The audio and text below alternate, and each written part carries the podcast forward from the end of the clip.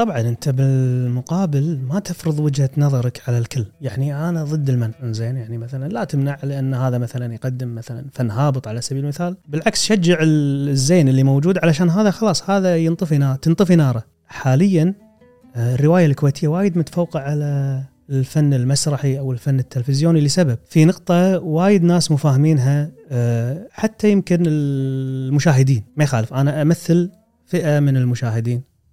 مو كلهم نسبة قد تكون قليلة ولكن يعني نسبة تستحق أن, أن يسمع صوتها. العمل الإبداعي أو العمل الفني يعني وجد على أساس أنه يحكي لك قصة بدون لا يكون مباشر. ما في وعظ. يعني عفوا قصدك أنه لا تي أنت ككاتب تقول لي هذا صح أو هذا غلط؟ بالضبط. ولا تكون مباشر يعني حتى لا تكون حتى ديكتاتوري مع شخصياتك. لا تحط لي شخصية مثلا شريرة تخليها بشعة تخليها كلها حمقانة على سبيل المثال تخليها آه سودة والشخصية الخيرة بيضة عرفت؟ الكونتراست هذا اللي موجود هذا يعني يعدم القصة أو يعدم آه يخلق يعني قطع بالاتصال ما بين المتلقي القارئ في حالة الرواية والراوي. مشكلتنا في التلفزيون وفي المسرح يوقف الممثل يقول الموعظة بشكل مباشر مم. كانه يعني برنامج توعوي سلامتك. كلنا ما في سنة وشيعة وما في هذه هذه بالنهاية لا لا في ساعات تكون بالنص هذه هذه خاصين منها أصلا إيه. لازم هذه هذه هذه تكفير أخطاء. كلنا كلنا. تكفير ذنوب اللي تصير بالنص. ما يصير يا ولدي طق الريال الكبير لازم تحترمه هذا مثل أبوك. لا تقول لي إياها سوها كمشهد. يعني أنا أنا كمشاهد أو كمتابع أو كقارئ. ترى ذكي ما ما يحتاج تلقمه أنت الموعظة هذه أو المعلومة. الحلو بالعمل الإبداعي اللي هو طبعا المسرح والتلفزيون والسينما وحتى الرواية تشرك أنت المتلقي فيه ما يكون لك بروحك. يعني مثلا أه تخلي القارئ يفكر معاك تخلي المشاهد يفسر معاك اللي موجود. ما تعطي كل شيء تلقمه اياه يعني مثلا بالمسرحية تقدر أنت طبعا فيه في شيء اسمه فن الترميز أو الرمزية اللي موجودة هذه. كل واحد يقدر يحط لها تأويل مختلف عن الآخر. المشاهد أو المتابع اللي يقدر يصيد بالضبط المؤلف شنو يقصد؟ وتستانس إذا صدت. تستانس وساعات تسأل. شفت الاشتغال هذا اللي قاعد يصير؟ هذا هو المطلوب من العمل الإبداعي.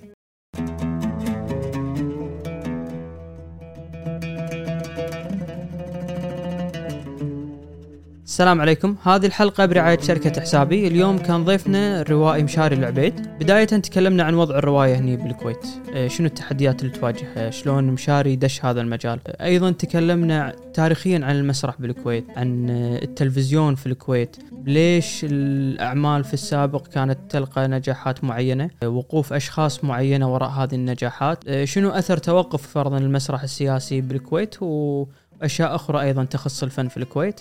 أتمنى تستمتعون بهذه الحلقة. بس شنو تاريخ الرواية أنا أنا أقول لك يعني يمكن مسرحيات أشوف م. مسلسلات أشوف بس الرواية يعني قلت لك يعني ما قريت وايد بصراحة ولا أدري تاريخيا شنو وضعها بالكويت. يعني هل إحنا يحضرك فرضا تكون في نقطة بداية للرواية بالكويت؟ والله في نقطة بداية بس ماني متذكر الاسم. كان في آه، أتوقع الفرحان أو فرحان اسمه كان يعتبر أول آه، روائي آه، كويتي له تجربة روائية موثقة. بس يمكن بعد شوي أقدر أبحث لك أجيب لك الاسم بالضبط. هذا اللي أنا أذكره على صعيد من الأول يعني. أما على يعني إذا بتاخذها من باب يعني غزارة الإنتاج والجودة أو مثلا منو اللي أثر أو أسس أرضية انطلقت منها الرواية الكويتية اللي الحين الكل يعرفها يعني إسماعيل فهد إسماعيل الله يرحمه هذا بأي فترة تذكر؟ أتوقع الخمسينات أو الستينات أوه. يعني هم أنا ما آه. يحضرني السنة بالضبط إي بس من آه زمان يعني من زمان إي عند أتوقع كانت كانت السماء زرقاء من أول أعماله آه طبعا المعروف عنه أو المشهور واللي لا زالت تقرأ إلى الآن عنده سباعية كتبها بعد الغزو على طول. اسمها إحداثيات زمن العزلة. هذه الرواية وثقت آه، الغزو بوجهة نظر حيادية بشكل غير طبيعي. يعني هذا كان مفقود. اي يعني من شخص كويتي. من شخص كويتي. يعني الحين مثلا أخذ عندك المسرحيات اللي صارت عقب الغزو على طول. نلاحظ إن الناس مشحونة صح. سواء كانوا الممثلين أو حتى كتابة النص والجمهور كذلك. صح. الجمهور يبي كذي. عرفت؟ ولكن منطقي يعني انت تقيسها بعد كل هذه الفترة انه يعني أكيد منطق إن الناس طالعة 100% من ولا- ولا- عاطفية و... بالضبط ولا حد يلومهم لأن مم. بالنهاية الحدث ما كان حدث عادي يعني بذاك الوقت ولكن بعد الغزو هو سجل السباعية هذه آه، بحيث إنه يعني آه، يمكن أنا كلمتك على على فكرة ديمقراطية الروائي في سرد الشخصيات اللي تكون يعني عنده آه، هو كذي يعني ما شيطن ال- خلينا نقول الفيلن أو العدو اللي موجود حط لك الشخصيات كما رآها هو يعني. في يعني مثلا بعض ال- الجنود على سبيل المثال تعاطفوا مع الشعب الكويتي مثلا. في مثلا هذه بمسرح مس... يعني خلينا يعني خلينا نتكلم فرضا مسرح قاعد أحاول أتذكر الحين بشكل سريع ما أذكر في شخصية حطوها بهالطريقة يعني. أنا تعذرني واحدة أزمة وتعدي. آه، شخصيتين حطوا. انهم يعني كانوا مع الكويت ضد العراق وهم هذه كانت تحسب حق الله يرحمه محمد رشود. آه، ولا بد انه يكون الموازنة هذه موجودة. أنت عندك على أساس ال- المشاهد أو القارئ اللي برا الأزمة هذه يحس إن ما في آه، خلينا نقول آه، أحد مشحون على أحد فيحس إن في هني آه، آه، دكتاتوريه في طريقة عرض الحكاية. أو استعراض آه، الرواية أو المسرحية أو ايا كان. فاللي سواه نرجع حق إسماعيل فهد إسماعيل الله يرحمه كان كانت يعني مكتوبة بطريقة يعني غريبة عجيبة. لو تقراها إحنا أنا قريتها مرتين. مرة آه، أتوقع أول ما أنا يمكن دشيت بهالمجال 2012 والمرة الثانية أعادوا طبع الرواية آه، دار نوفا بلس آه، كلفوني بمراجعه بعض ال- النسخ اللي حطوها لأن شنو صار؟ النسخة القديمة كانت آه، مطبوعة وما كان في لها أي reference digital آه، فاللي صار إن ردوا وكتبوهم مرة ثانية فإحنا دققنا ومع التدقيق أنت تقراها بشكل ممعن أكثر يعني. تحرص ان تكون دقيق بالضبط إيه. فإذا يعني أنا من وجهة نظري وأنا اللي أشوف أنه هو يعتبر المؤسس وهو يعني صاحب الريادة وصاحب الغزارة في الإنتاج واللي لا زالت إلى الآن آه، أعماله تقرأ على مستوى العالم العربي مو على مستوى الكويت بس. بس صدق يعني لشخص نفسي ما قرأ وايد روايات. مم. رواية أنت تحسها نقطة زي نقطة بداية زينة للشخص اللي وده يلقي نظرة على على هذا النوع من من الأدب. ترشح آه، شيء يعني. والله في وايد يعني عندك. مثلا إذا تاخذ الأشهر أو الدارج أكثر. عندك ساق البامبو لسعود السنعوسي على سبيل المثال. فازت بجائزة البوكر.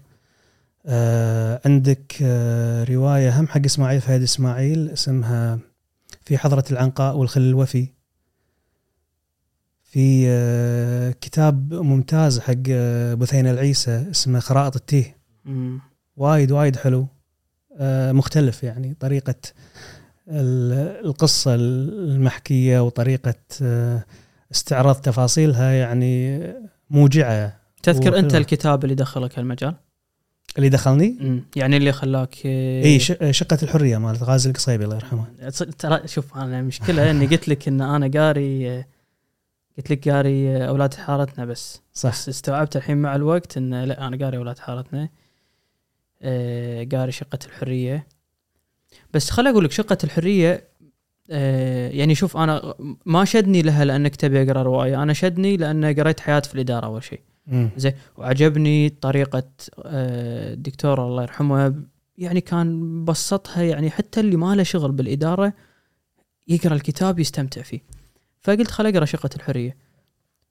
بس حسيت ما أدري أنا أنا ما أفهم بروايات وايد بس حسيت إنه ط- يعني هو واضح شنو القصد من من من من ال- الرواية نفسها إنه يبي يطلع لك فرضا شلون مجموعة من الناس آه، وصححنا إذا أنا غلطان.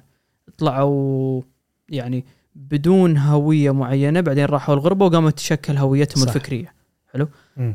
بس حسيت كانه في مبالغة في في يعني في عرض أفكارهم لدرجة إنه يصير فيني أنا فهمت إن أنت تبي توصل إنه هو علماني أو شغلة كذي بس. صح.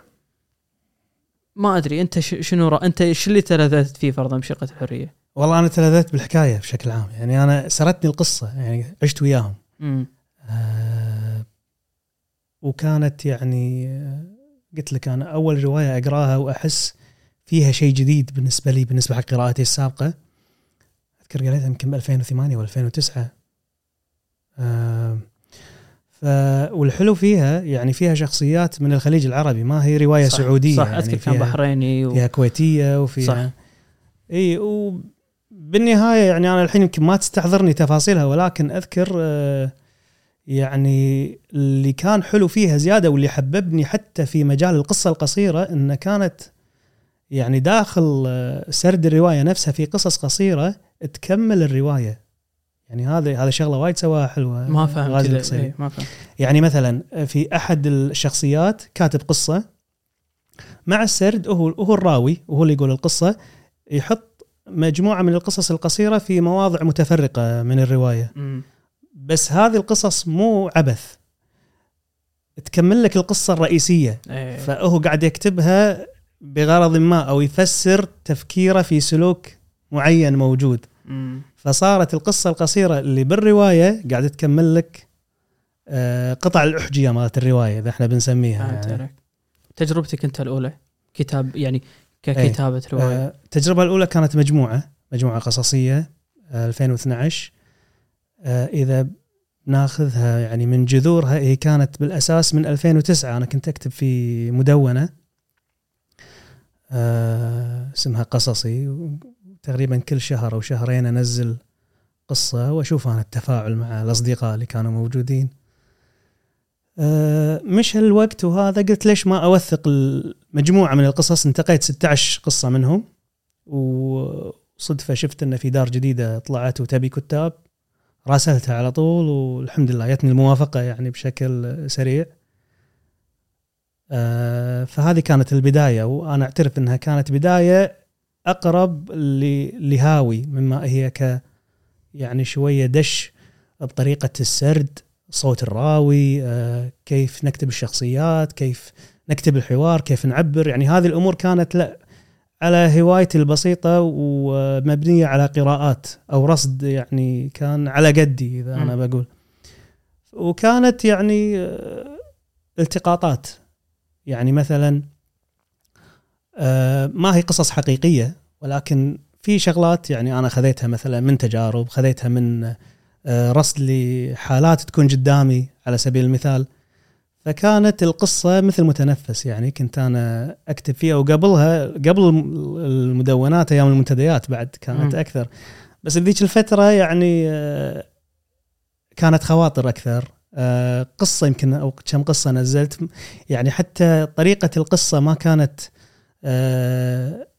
مكتملة عندي شلون تنكتب يعني بشكل عام. يعني أنا أقدر أقص قصة أسولف لك إياها ولكن أكتبها على ورق كانت فيها صعوبة بذاك الوقت. نتكلم على 2000 يمكن أو 2001 ل 2004 تقريبا. ولكن شقة الحرية أعطتني مثل آه، إضاءة. شلون أنت تكتب القصة؟ شلون تكون مكثفة؟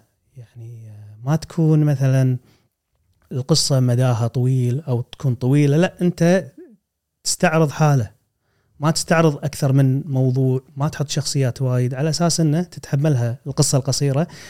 بهالحدود كان أنا مفهومي للأدب أو للقصة تحديدا فانطلق منها عملي الأول اللي قلت لك عنه كشمير 2012 مع دار نوفا بلس. والحمد لله من بعدها يعني بعدها بسنة نزلت آه، رواية اسمها غايب. آه، أنا أعتبرها يعني خلينا نقول خطوة للأمام ما أبي أقول قفزة يعني. خطوة للأمام الحمد لله. وفي ردود فعل طيبة وفي- وفيها يعني استثمار لورش دشيتها مع المرحوم إسماعيل فهد إسماعيل. آه، قدم لنا كذا ورشة. وطبعا يعني هذا الإنسان حتى كان فاتح لنا مكتبة. يعني الغريب بهالشخص رحمة الله عليه آه، ما ينطرك تروح له. يعني هو ما شاء الله عليه ينتقي ناس معينين يحس إن عندهم شيء. قلت لي امس هو كلمك ها؟ إي كلمني. معرض الكتاب. معرض الكتاب إحنا ساعات يونا ادباء نعطيهم من باب المجاملة أو يعني إذا تبي تقرأ لنا يعني.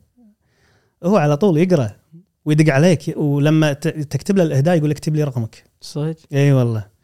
اتصل علي كلمني أعطاني آه، review بلح- يعني بأيام وجيزة يعني قرأها. يعني أنا استغربت بوقتها بعدين قمنا نزوره مكتبة من فترة لفتره آه ساعات إذا مثلا مازر نايت يتصل يتشره وينكم؟ ليش ما تيون. شنو؟ ليش ما كتبت شيء جديد؟ أو ليش ما اطلعتني على الجديد؟ فالرواية هذه يعني صراحة في فضل كبير. أنا أدينه حق المرحوم إسماعيل فهد إسماعيل. فهو كان من الأسباب اللي خلى الخطوة هذه تصير لقدام. مرة ثانية ال- يعني الرواية بالكويت يعني شوف الحين فرضا لما نقيسها على مسرح نقيسها على آه، تلفزيون واضح تقول يعني بدايته فرضا بال بال بالستين يعني نتكلم فرضا على مسرح بالستينات صح؟ لا في الخمسينات. في بالخمسينات. وتدريجيا كان قاعد يصعد ك ك صح. ك كقيمة. يعني ليه وصل أوج عطائه في نهاية السبعينات في الثمانينات؟ بعدين في- جت فتره بعد الغزو وشفنا ما عاد المستوى نفسه اللي نشوفه بالأول. هذا بشكل ملخص. صح.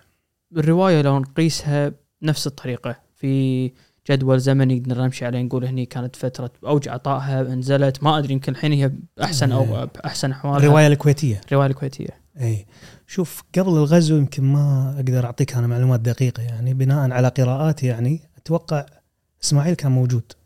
قبل وبعد بعد روا- الروائية ليلى العثمان كانت موجودة. آه واسمية تخرج من البحر. واحدة من يعني هذه صنفت واحدة من أكثر أو أهم 100 رواية عربية أو أتوقع صنفت هالروايه والروايه الكويتية الوحيدة اللي كانت داشه باللستة هذه. هذا قبل الغزو. قبل الغزو. وسووها كنا تمثيلية إذا ماني غلطان. سووها مو مسلسل تمثيلية اللي هي حلقة واحدة سهرة يسمونها. آه بعد الغزو أقدر أنا أفيدك أكثر لأنها شوية ال- الفترة الزمنية كانت قريبة علي من أنا يعني دشيت بالمجال هذا وعرفنا الناس اللي فيه وعاصرنا الناس اللي كانوا موجودين أساسا. أتوقع يعني الفترة اللي إحنا فيها تعتبر ال- البيك إذا قلنا حق الروائيين الشباب. بذيك الفترة الروائيين كانوا قلة أه حجم الجمهور. والله حجم ما أدري ما أقدر أفيدك أنا بحجم الجمهور سابقا ما أدري. بس الحين أو خلينا نقول مثلا من 2010 2012 بدأوا الجمهور يلتفتون حق هذا النوع من الأدب بشكل كبير يعني. اللي هو الرواية. اللي هو الرواية. بالإضافة أت- أتوقع أكثر من المجموعات القصصية. الرواية تفوقت على القصة بشكل كبير يعني صارت مطلوبة أكثر آه، من القراء. آه، طل- طلعوا سعود السنعوسي خالد النصر الله بثينة العيسى عبد الله البصيص آه، عبد الوهاب الحمادي. الأسماء هذه يعني صار لها حضور في المحافل الأدبية العربية. دشوا قوائم طويلة وقصيرة في جوائز وبعضهم فازوا بجوائز. فصاروا القر... الكتاب طبعا في غيرهم أنا ما يعني ما أبي أنسى أحد بس هذيل اللي يحضرون الحين الأشخاص هذيل معروفين على مستوى الوطن العربي مو بس بالكويت هالشيء يمكن ما كان موجود بالسبعينات والثمانينات باستثناء إسماعيل مم. كون إنه يعني إسماعيل ما شاء الله من ذاك الوقت الناس يسوون دراسات على رواياته يسوون رسالات ماجستير ودكتوراه بس تحضرك أسباب يعني أنت مم. بالنسبة لك ليش تحس صارت هالقفزة هذه؟ صارت القفزة يعني بالنسبة حق بعدد. الكتاب أنت تقول حتى الجمهور تعتقد أنه زاد يعني يحضرك سبب معين تحس إنه قد تر... يرجع آه. له الفضل بهالشيء والله يمكن الجودة نقدر نقول الجودة لأن يعني من بعد ال 2010 أو حتى يمكن دار مدارها يعني قبلها بشوي بعدها بشوي في روايات قوية نزلت صراحة يعني للحين موجودة وللحين القراء يذكرونها وهذيل القراء الكتاب صنعوا قراءهم. يعني على مدى السنين ليومك أنا اليوم شنو نزل عبد الوهاب الحمادي بقرا له سعود السنعوسي أقرأ له بثينه خالد عبد الله البصيص آه، أسماء كثيرة والله أنا ما أبي أنسى أحد بعد. كلهم ربعي. لا. باكر لا لا. إي ما أبي أحد بعد شو اسمه يعني كلكم إن شاء الله فيكم الخير والبركة. آه، فهذه هذه الشغلة يمكن ما كانت موجودة سابقا. وأقول لك يعني في فترة ال 2010 إلى 2012 آه، صار في مثل صارت هبة آه، معارض الكتاب صارت مو مثل قبل. دور النشر طلعت يعني ما شاء الله ديكورات حلوة أسلوب عرض جميل أغلفة يعني تشد الانتباه ألوانها وطريقه تصميمها العناوين الأفكار. ما انسى بعد آه، عبد الوهاب السيد روائي عبد الوهاب السيد تميز بخط الرعب أو؟ الثريلر. اي ما شاء الله. ما كنت أدري ان في هالنوع أنا من نسيت أبو عبد الله اسمح لنا. إيه.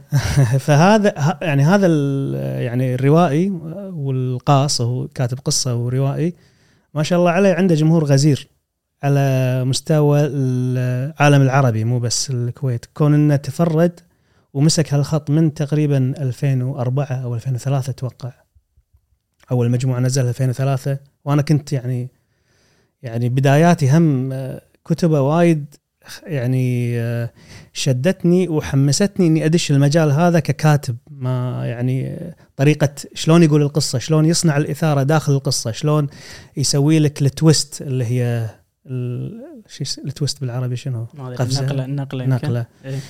حبكة إيه. ولا مو الحبكة؟ لا ما. لا لا الحبكة ال plot إيه ال plot ال اي خلينا نقول ال- القلبة يعني. م. ف و- وكان يتميز بالنهايات الغير متوقعة. آه، عبد الوهاب السيد. يعني أتوقع أنا وايد هم أدين له بالفضل لأنه كان بدايتي أقرأ كتبه وكان هو ما شاء الله يعني حضوره واضح في معارض الكتاب. وخطه كان يعني محبوب لأن وقت إحنا لما كنا صغار نحب أفلام الرعب مم. أفلام ال thriller Scream Resident Evil على سبيل المثال ألعاب Resident Evil. فيعني هم يعني هذيل الأشخاص اللي أنا سميت لك إياهم وغيرهم وايد يعني أنا ما تحضرني أسمائهم الحين يعني صنعوا جمهور آه، ما كان موجود سابقا إذا إحنا قلنا على كم يعني فمعارض الكتاب صارت مو بس أنا أروح أشتري كتاب لا أشوف event. حفل توقيع الكاتب الفلاني اللي يكتب قصص رعب. آه، حفل توقيع لكاتب خذا جائزة البوكر. صاروا السنوسي. يعني ها صاروا أنا بروح إيه. يوقع لي اي اي اي ويعني طبعا في بعد يعني بعدين أو بشكل متوازي طلعوا يعني بعض الأعمال اللي تكون فقاعات يعني ما هي بالمستوى ولا مبين يعني من تقرأ لهم ما يقرونهم أصلا. قلت لك هذا الكتاب اللي أنا قريته اللي صفحه صفحة نص وصفحة أغنية. صدق إيه. ترى كانت شي مشاري ها؟ يعني أقرأ والله العظيم. أقرأ صفحة الحين يكتب راح فرضا هذه الفتاة راحت إيه. وتلاقت معاه بالقطار وفكرت بينها وبين نفسها آه، المسافر راح ويغني ويحط أغنية مجيد كلها بعدين يكمل يعبي صفحة. ف ما أدري زين بدو- بدون عواطف أو أو بدون مم. ما خدموكم هذه الفئة دخلوا هذا الجمهور ال- بلى.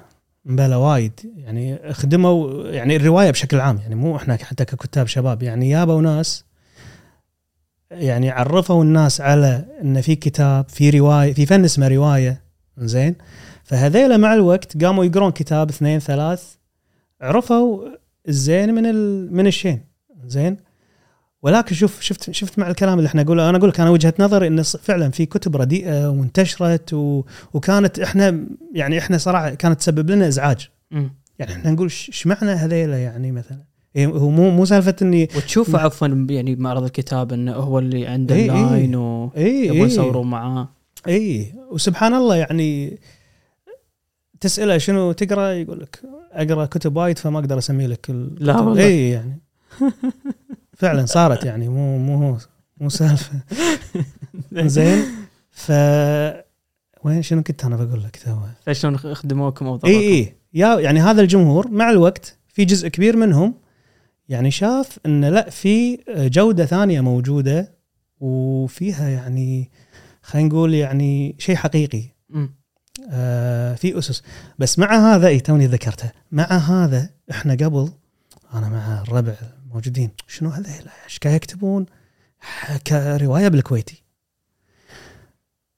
وإحنا نمشي وإحنا قاعد نتحطم وإحنا نمشي. ما فهمت انه المتعارف عليه أول إنه ما, ما تصير يعني؟ لا شوف الحوار قد يكون كويتي ما في مشكلة. وحتى الكويتي ترى لا أصول ينكتب يعني على أساس تكون لغة مفهومة حتى حق الغير كويتي يفهمها. يعني لما تعطي مثلا واحد تكتب له هذا الشيء. مثلا شاي حاكم شنو. حاكم عرفت يعني؟ تنتقل المفردات الكويتية بحيث إن الكويتي يحس بأصالة الصوت اللي قاعد يوصل له. والغير كويتي أنت تقدر تحطها بسياق يقدر هو يفهمها. أو تقدر حتى ساعات إذا تقدر تلجأ للهوامش. ما فيها اي ما فيها أي مشكلة. المهم إحنا كنا نتحطم عليهم. يعني هذول شنو إيش معنى يعني؟ آه، حرام يعني الناس يقرون النوعية هذه من الكتب. وإحنا نمشي نشوف الله يرحمه إسماعيل قاعد في أحد الأندية مسوين معاه لقاء. اساله ال- مدير الحوار إيش رأيك بالكتب اللي تكتب تكتب باللغة العامية؟ لما يقولك تكتب باللغة العامية حتى السرد. مم. يعني أنا أقول لك مثلا آه، وفي فجر أحد الأيام ذهب فلان إلى الجمعية مثلا. هذا هذا لغة عربية. okay. رحت أنا الجمعية وأنا مستعجل. مم. عرفت يعني؟ كذي هذا السرد ماله مو حوار. فإحنا كانت اس- أسأله ال- المقدم على يعني شنو تقييمك لهم؟ قال لا بالعكس هذا شيء جديد ويمكن يطلع منهم قصة يعني جميلة ويمكن لقدام هذا الفن يتطور. تعرف اللي إحنا قاعد نطالع بعض كنا والله العظيم. ما عندنا سالفة. والله ما عندنا سالفة يعني شوف شلون يعني الريال بنضجة يعني ما قاعد يصغر من أي واحد. إحنا خذتنا العاطفة أكثر وإحنا تعرف تونا يعني الأدب وعرفت إحنا حامي حمى اللغة يعني نحميها وما نبيها التاثر وهالحكي ولكن شوف وجهة نظره المتواضعة يعني هو ما شاء الله بخبرته يعني. يقول احتمال واحد من هالأشخاص تطلع عنده قصة لطيفة يعني وهو يقدر كذلك يتطور مع الأيام يقدمها باللغة المحكية بشكل لطيف. يعني أنا أذكرها سمعتها والله بإذني. تعجبت.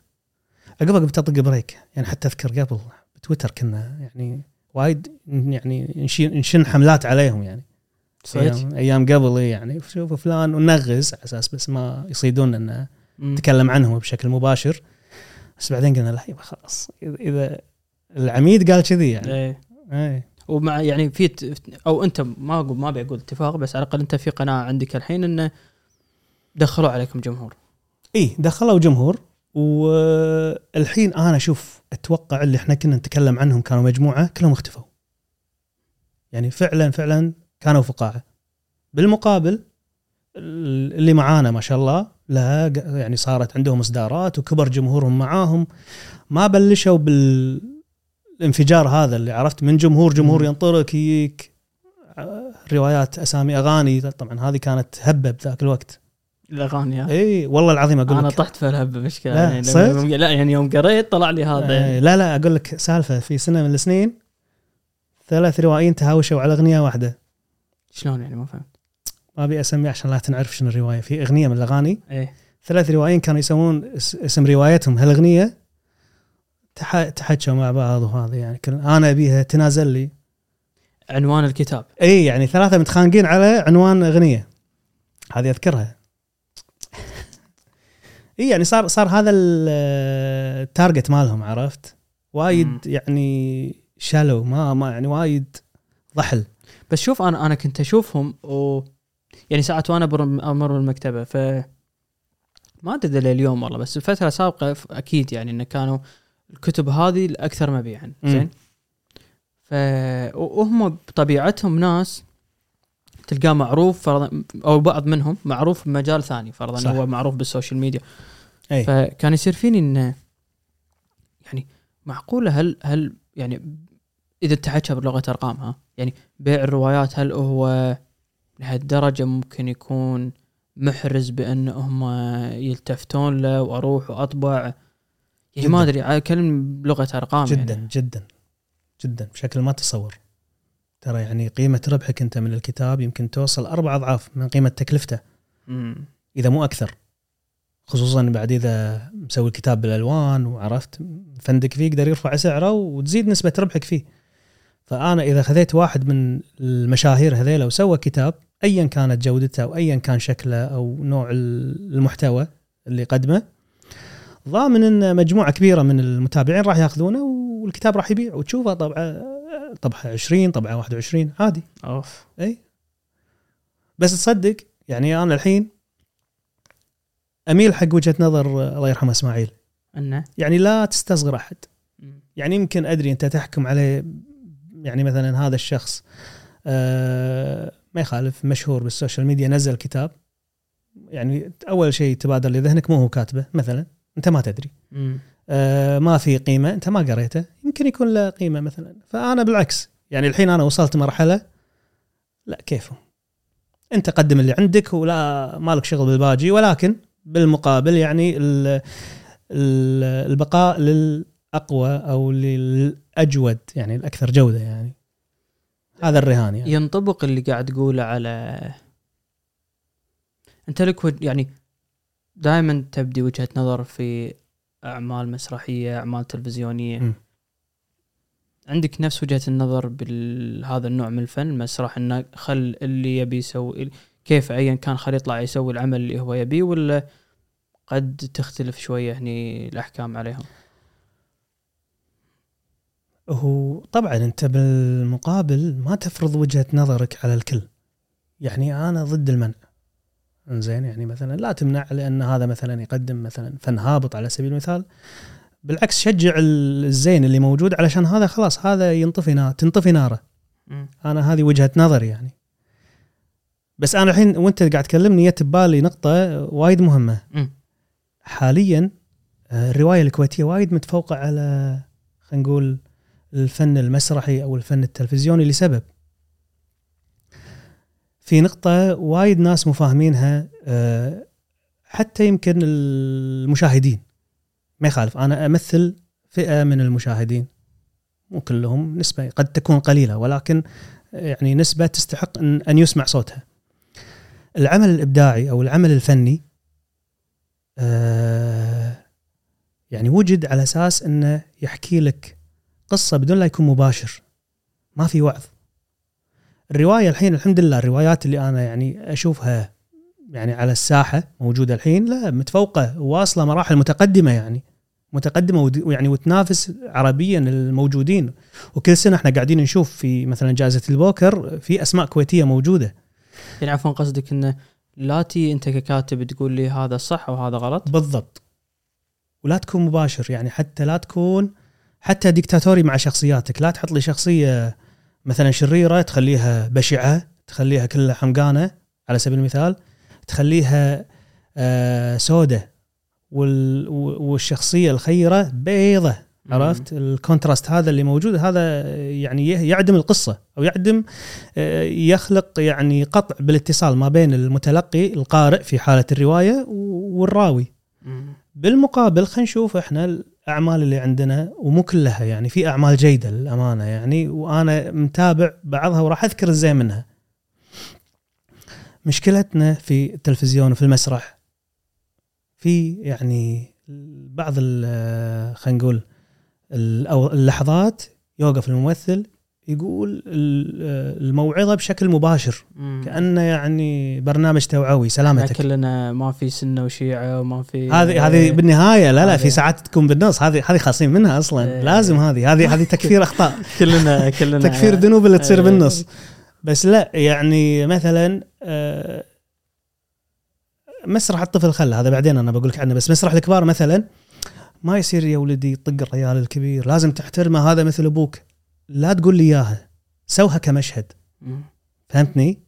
يعني أنا أنا كمشاهد أو كمتابع أو كقارئ خلينا نقولها مشاهد لأن قاعد نتكلم على مسرح مثلا ترى ذكي ما ما يحتاج تلقمه أنت الموعظة هذه أو المعلومة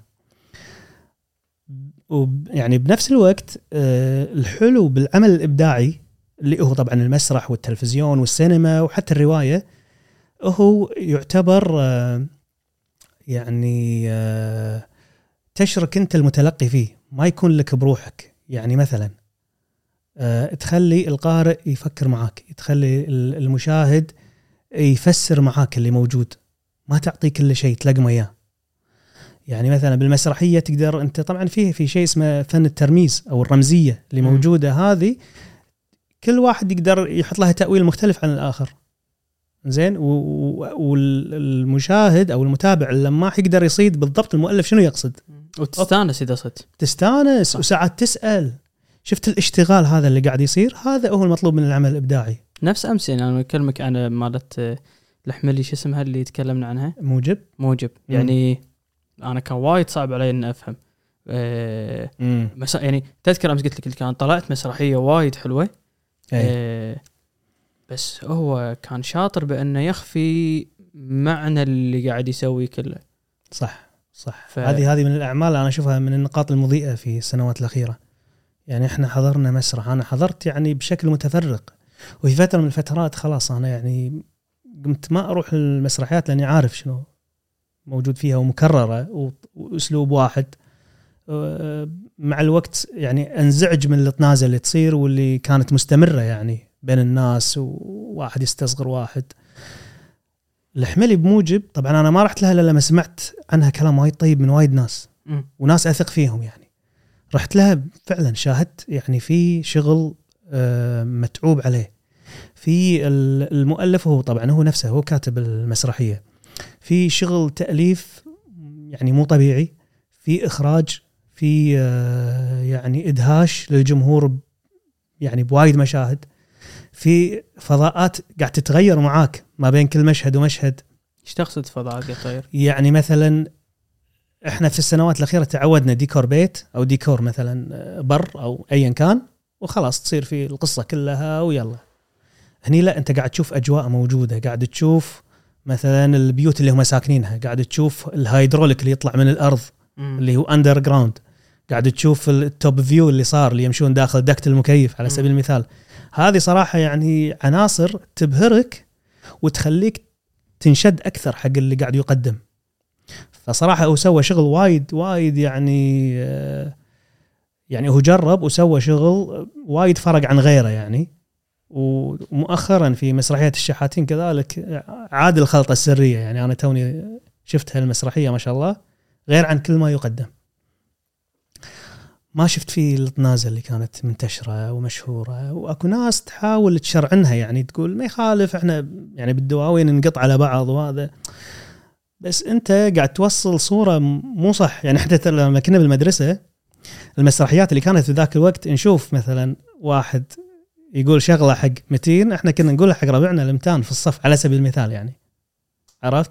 ففي ناس يلقطون وفي ناس يعني تحطها على المسرح تهزأ.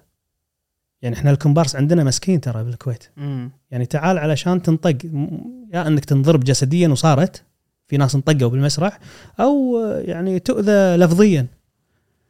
بالمقابل يعني إذا إحنا بنشوف دور الكومبارس أو أنا أحب أسميه الممثل الجانبي لأنه يقول لك قصة جانبية موجودة. آه، برا يسوي لهم كاستنج يعني في عناية في انتقائهم. أكثر آه، هني ما في أصلا ما في عناية. يجيب لك أي واحد يلا. أنت آه، وساعات مع الأسف يستعينون بناس آه، مرضى يعني. مم. يعني ما هم مو صاحين. إحنا مرة صارت لنا قصة. سايق آه، بيت خالتي. أحد المسلسلات خذوه قالوا له يلا تعال مثل معانا مشهد. مم. عجبهم يقول يلا مثل معانا مشهد هذا عقب عشرة أيام. ومثل معاهم يعني كذي صارت السالفة. إحنا. عندنا اي يعني شوف قيسها فرضا بدرب الزلق. ال- مشكلة هذا ما تقيسه. آه، بس خل خل أقول لك يعني إيش كثر كان الدور مهم يعني. اي اللي هو المعروف اللي هو هذا لحم مال كلب. هذا أي. يعتبر كمبار صح ولا لا؟ اي صح. لليوم الناس تذكره يعني. بس شلون تم توظيفه؟ عرفت؟ يعني شوف هو الله يرحمه أبو عدنان يعني إنسان لا يتكرر و وعنده خلطة سرية ما حد يعرفها خصوصا يعني آه، درب الزلق. أنا درب الزلق المشكلة يعني أنت تحاول تكتشف شنو السر اللي خلاه للحين عايش وليش إن أي واحد يقول لك فن كويتي يقول لك درب الزلق قبل كل شيء. مسرح مثلا باي باي لندن بس. درب الزلق التلفزيون هو رقم واحد بالكويت والكل أجمع عليه. ويشاهد من الكل ترى كل الفئات تشوفه بالكويت. حتى اللي ما يشوفون تلفزيون يحبون درب الزلق. الكبار بذاك الوقت هم كانوا يحبونه أتوقع يعني. آه أنا ما أدري أنا سويت homework صغير.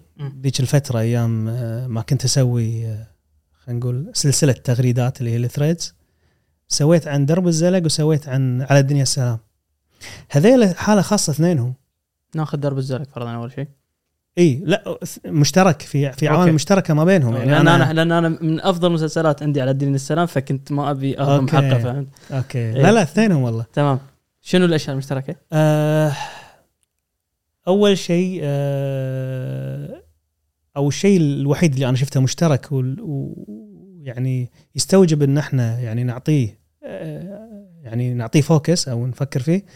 ال- المراحل أو ال segments اللي تتكون منها قصة المسلسل. يعني خلينا ناخذ درب الزلق.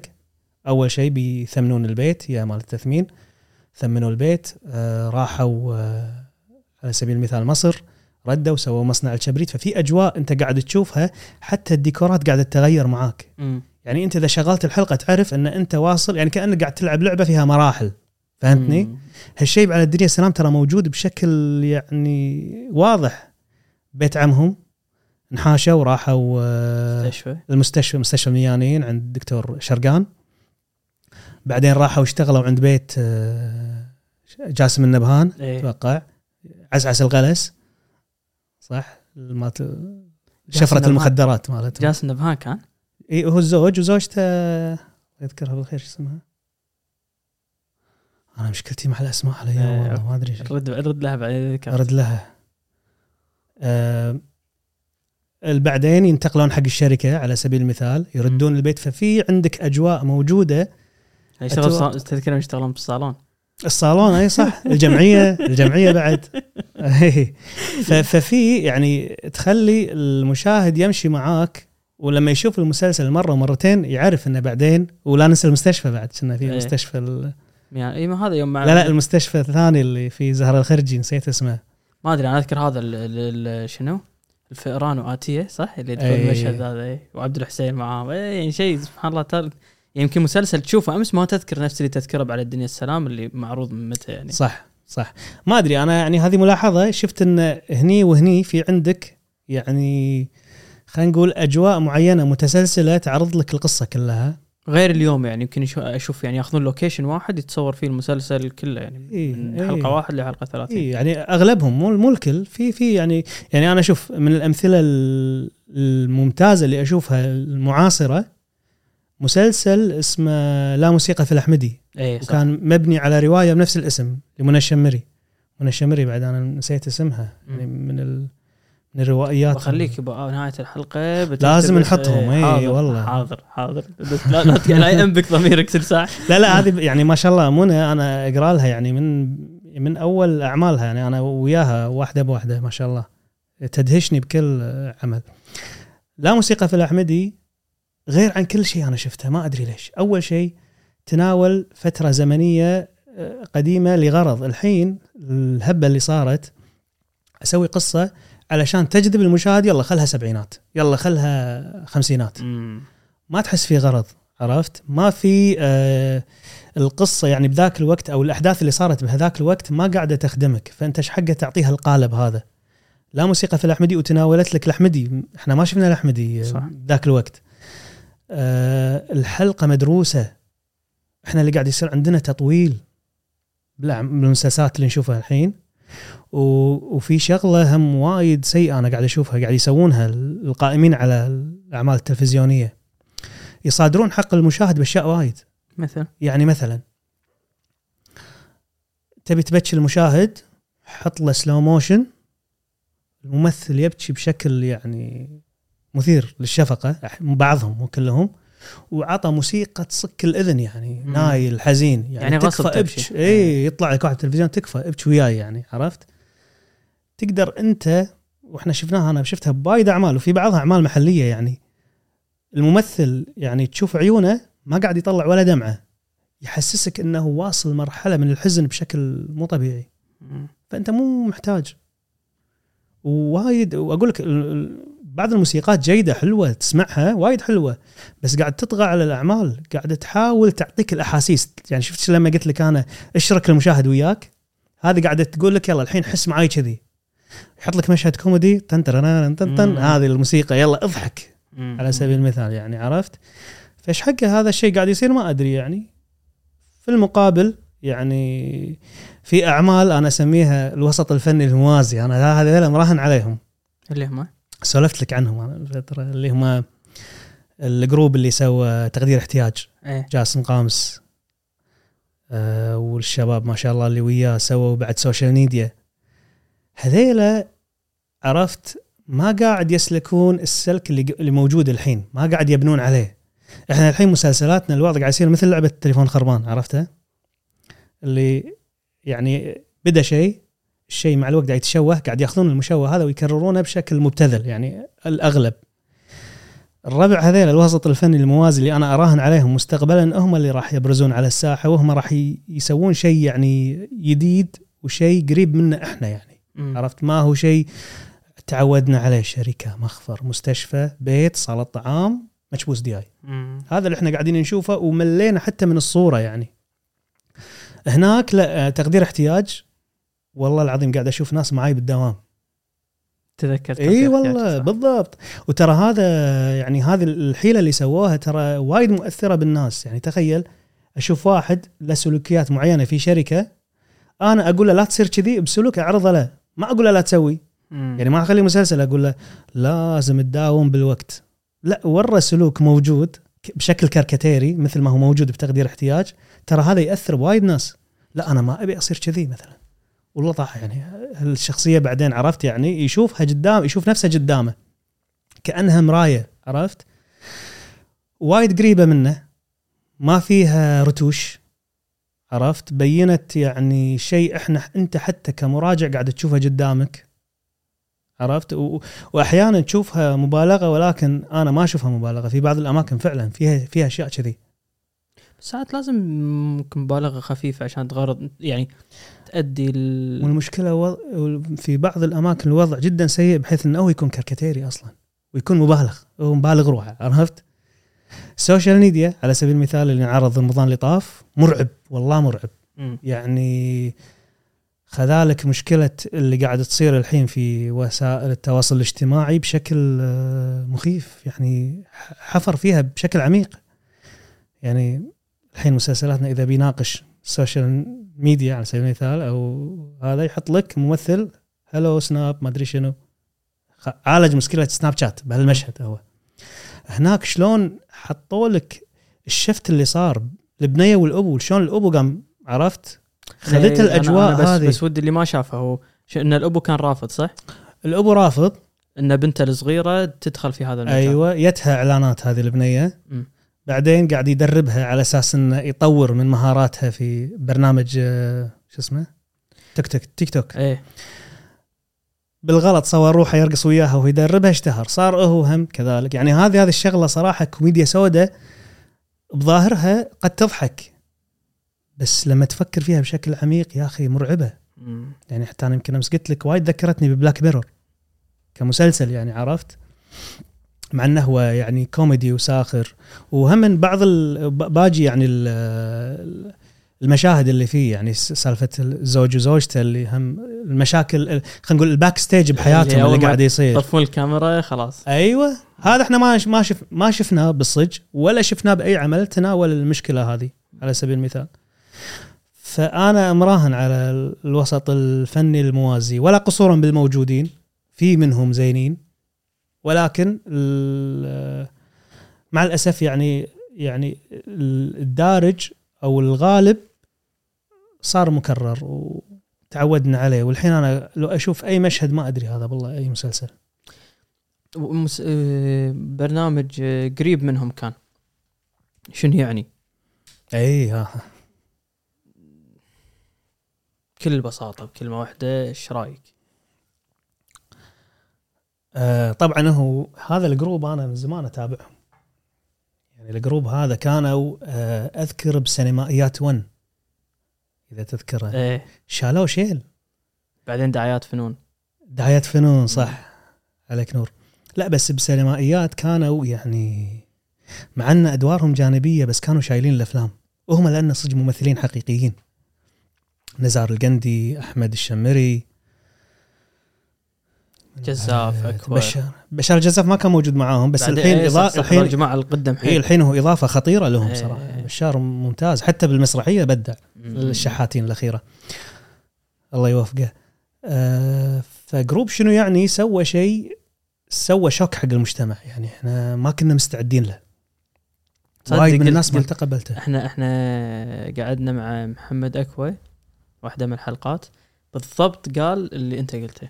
قال إحنا كنا نبي نصدم المجتمع. أيوه. نبي نعال... قال شنو؟ كان؟ قال علاج إيه قال علاج في الصدمه اي علاج الصدمه إيه. ولكن يعني okay ناس تختلف تتفق معاهم بس شوف ال quality اللي موجود يسوى اللي موجود اللي أنا أشوفه كله. يعني على صعيد الكتابة على صعيد الإخراج التمثيل ما شاء الله كلهم. يعني ما أدري هم هم ربع بس ما شاء الله كلهم يعني ما أتوقع سووا casting يعني هم ما شاء الله اي فنانين بالفطرة يعني. إيه، صح. آه تابعت أنا حلقات يمكن كلهم شفتهم. في شغلات آه، عندهم يعني تبين لك شغلات إحنا نستحي نقولها موجودة بمجتمعنا بس نستحي نقولها. الكل يدري عنها. الكل يدري عنها. ما أتكلم عن الشغلات اللي قد تكون مثلا يعني فوق ال 18 هذه يعني بناء على تقدير الناس هم حاطين تنبيه إنه يعني بلس 18 ال- البرنامج هذا يعني مو حق الأطفال. بس بالنسبة لك عفوا في في خطوط حمراء؟ يعني لازم إنه لا هذا هني توصل مرحلة ما المفروض ينعرض. والله تبي وجهة نظري الشخصيه أنا أشوف إن في شغلات over صارت مم. بس خلينا ناخذها على مستوى ال quality اللي موجود وفي بعض الحلقات لا يعني ممتازة من وجهة نظري يعني عرفت؟ ما أشوف فيها عليها أي غبار يعني حتى كمحاذير في, في بعضهم لطفوا هم الأجواء فيها.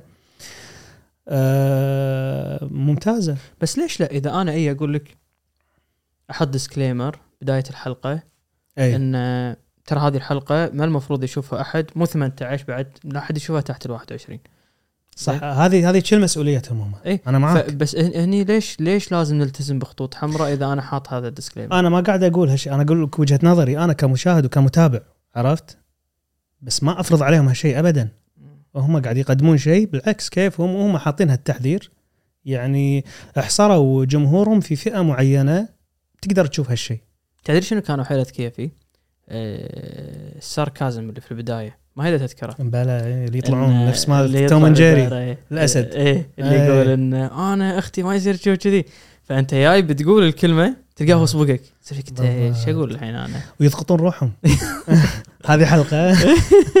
لا شوف هو يعني هم ساعات لما يسخرون من نفسهم حتى بالحلقات آه، تبين على ثقة كبيرة عندهم وفعلا هم يعني ناس خلاقين مو عاديين. صح.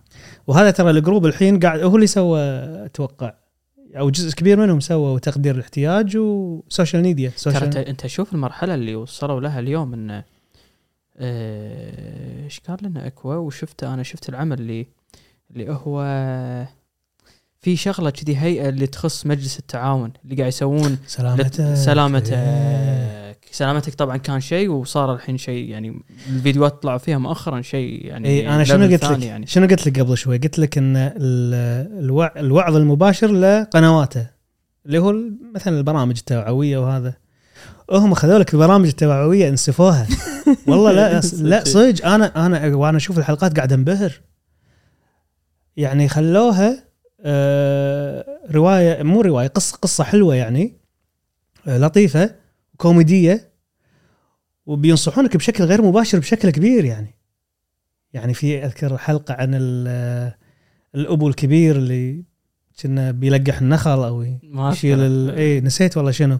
وواحدة ثانية على الإيدز. اي أنت الإيدز أذكر هذه سوت اي تكفى يعني. شوف يعني أنا أتوقع سلامتك وايد توفقوا باختيار الفريق الصحيح لأنه يقود الحملة الع- ال- ال- التوعوية هذه.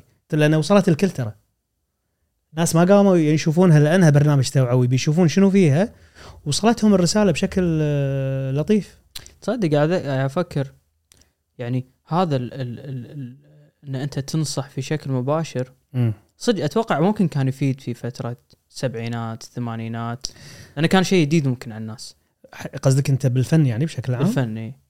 انه يعني تطلع دعاية إن اسمع لا تسوي واحد اثنين ثلاث لا إي كتوعوي إي إيه. عادي. ترى حتى الحين ما في مشكلة ما في باس. بس بس ملت منه يعني الناس. يعني أنت الحين لما تسمع هذا الشخص اللي يقول لك إي. يعني يعني الأشياء التقليدية اللي تشوفها فرضا تطلعها وزارات ما ما, ما تنتبه لها يعني. صح صح مخك صار مخك صار متعلم عليها لدرجة أنه ما يفكر أنه تصدق صح ما المفروض أسوي أنا معاك أخوي محمد أنا معاك. بس شنو قصدي؟ حتى إذا سوى بشكل مباشر يعني مثلا الحين الفيروس لبسوا لبسوا كمامات بشكل مباشر قال لك إياها. وهو بيوصل لك مسج. عادي. ويقدر يسويها أفضل من كذي بس اللي سويتها ترى مو غلط. أنت أعطيتني الرسالة توعويه بحدودها. ما أعطاك الرساله التوعويه في مسلسل أو مثلا في مسرحية يا جمهور لازم إحنا ما مثلا خلينا نقول ما نغلط على الفئة أو مكونات المجتمع مثلا عرفت؟ ليش ليش تقول يعني؟ أنا مو جاي على أساس إني أسمع نصايحك أنا أبي أشوف آه، فرجة مسرحية تبي تقول أنت ولازم يكون طبعا يعني يكون في قيم مثلا موجودة أو في مثلا آه، رسالة يبي يوصلها الكاتب من خلال العمل المسرحي okay بس لا تعرض لي إياها بشكل مباشر. إذا بترجع مرة ثانية حق درب الزرق. أي. بوجهة نظرك. تنعرض مرة ثانية اليوم مم. نفس الطاقم نفس ال script. production قول أحسن. نفس الطاقم يعني نفس الممثلين نفس قصدك؟ الممثلين نفس السكريبت والناس تشوفها لاول مرة اليوم. نفس النص بالضبط. إي. نفس الممثلين. قول الديكورات أفضل على المستوى اللي موجود اليوم. أه تصوير أفضل. تصويرهم؟ حلو كان ترى. بس أقصد ك quality يعني إنه بس إنه HD يعني يطلع لك. والله أنا أتوقع يمكن ينجح إيه يمكن ينجح ومو يمكن أكيد ينجح. هو لأن الخلطة مو بوقتها. الخلطة بالمجموعة اللي فيه أنا عشان كذي سألتك نفس الممثلين؟ ترى الأسماء اللي موجودة بدرب الزلق بينهم كيمياء مو طبيعية. كل واحد فاهم الثاني. وصلوا مرحلة قاعدين لأنهم يصورون مشاهد مرات وايد ساعات يسوون دقات ببعض وهالدقات ترى صارت الحين مشاهد كلنا نذكرها. تخيل يعني شيء مو مكتوب. بس نفس عفوا نفس هالممثلين يعني فرضا يطري على بالي الحين الحياله يعني عبد الحسين عبد الله يرحمه وخالد نفيس الله يرحمه شاركوا بعمل. أوكي لا لا أنا ما, ما كملت لك الممثلين موجودين. ال- القصة مكتوبة وهم قاعدين يكتبونها أثناء التمثيل. يعني القصة كتبها عبد الأمير التركي الله يرحمه وهم ضافوا. يعني الكل ضاف. والكل عارف حدود إضافته شنو. أه وقلت لك أنا هذه يمكن أنا أدعيها يمكن قد أكون أنا مخطئ ولكن ال- التوليفة اللي حطوها التدريج في سرد القصة يعني شلون من من البداية تثمين البيت صار محامي سافر مصر سوى مصنع كبريت يعني هذه آه، اللحم مال الكلب عزك الله. فيعني هذه الأمور آه، يمكن خدمتها قبل لأنه ما كان في أعمال وايد فالناس تناقلوها وشافوها أكثر من مرة ويعيدونها تلفزيون وايد. ولكن أنا خل خلني أتجرد أنا من الأمور هذه كلها. أنا أشوفه هو فعلا عمل متكامل لسبب الممثلين اللي فيه كلهم. نمش الله يرحمه. نفيسي سعد عبد الحسين آه نسيت. علي المفيدي الله يرحمه. هذيلا كلهم يعني ما شاء الله آه كتبوا مع الكاتب أثناء آه التصوير. والقصة كانت حلوة. تجار يمرون بتجارب. ترى في ترى في وايد أعمال حتى بعدين آه، مثلا شحيت ومحيت عندك إذا تذكرها. مم. على سبيل المثال آه، يوميات متقاعد. هذه الأعمال ترى تدش القلب بسرعة لأن فيها عرفت؟ فيها اكسبيرمنت قاعدين يجربونهم شيء جديد وكل شوي قاعد يتغير عندك النشاط وقاعد تشوف شيء جديد مع الوقت. فهذا يمكن أنا أشوفها من عناصر آه، اللي تميز فيها المسلسل. بس لأن أنا قاعد أحاول أفكر إيش كثر نوستالجيا في الموضوع اللي يخلي فيه اللي يخلي في أكيد في بس أنا أقول لك من وجهة نظري يعني إذا أنت بتقول لي نفس الطاقم موجود ونفس القصة لا راح ينجح. مع هذا آه، في مسلسل بعد الغزو هم كنا بدوا بدوا يصورونه قبل الغزو واحترق وردوا صوروه مره صوروه مرة ثانية. قاصد خير. أوكي. قاصد خير تقريبا المسلسل الوحيد اللي بالكويت اللي يجمع أسماء كبيرة بمسلسل واحد. ما تقدر تعد الأبطال اللي فيه. مستحيل. الكتالوج الممثلين كلهم ما شاء الله موجودين بهالعمل. بس ما نجح نجاح كبير. okay يعني في نستذكر منه بعض المشاهد وهذا ولكن ما تقارنه بدرب الزلق ما تقارنه حتى بزمان السكافي اللي بعده. جدد شكر لشركة حسابي لرعايتهم لهذا البودكاست. اليوم شركة حسابي توفر خدمات لأي صاحب business سواء كان صاحب business صغير متوسط business آه، عنده في البيت آه، يوفرون لكم application تقدرون عن طريقه تبعثون لعملائكم آه، روابط آه، واتساب أو مسجات ويدفعون عن طريقهم وتحصلون أموالكم. آه، وأي أحد حاب إنه يعرف أي معلومات زيادة أو يتواصل معاهم معلومات موجودة في ال description تحت. ولا تصدق خلينا نسولف عن آه، يعني حادثة الغزو يعني ال ال مم. الانفجار ال- المسرحي اللي صار في ذاك الوقت آه، اي كم. تذكر كم مسرحية؟ يمكن ثلاثة أربعة إذا ما أكثر لا وين في واحدة صارت بمصر أول واحدة أزمة وتعدي Free Kuwait سيف العرب عاصفة الصحراء آه نقدر ندخل عبيد في التجنيد لأن دش فيها الغزو أمم. آه في بعد واحدة في مسرحية آه، بقطر.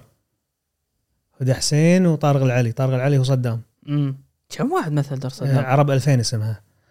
والله ما أدري أنا سويت حصر ذاك اليوم عليهم. عبد الحسين. عبد الحسين داود حسين عادل المسلم آه، جوهر. أحمد جوهر صح؟ اي أحمد جوهر. وط- نقدر نقول طارق العلي. وفي واحدة ما صو ما صوروها هم داود حسين سواها بدبي أتوقع أو الإمارات. أتوقع أحسن يعني أحسن اثنين عبد الحسين وأنا عندي أحمد جوهر بصراحة أتقنه بعد. أي. يعني يابه بس عبد الحسين هو أنا أشوفه واحمد جوهر أبدع لأن سواها سلسلة يعني مخروش طاح بكروش وطاح مخروش. امم أعمال يعني هم ما تنسي يعني.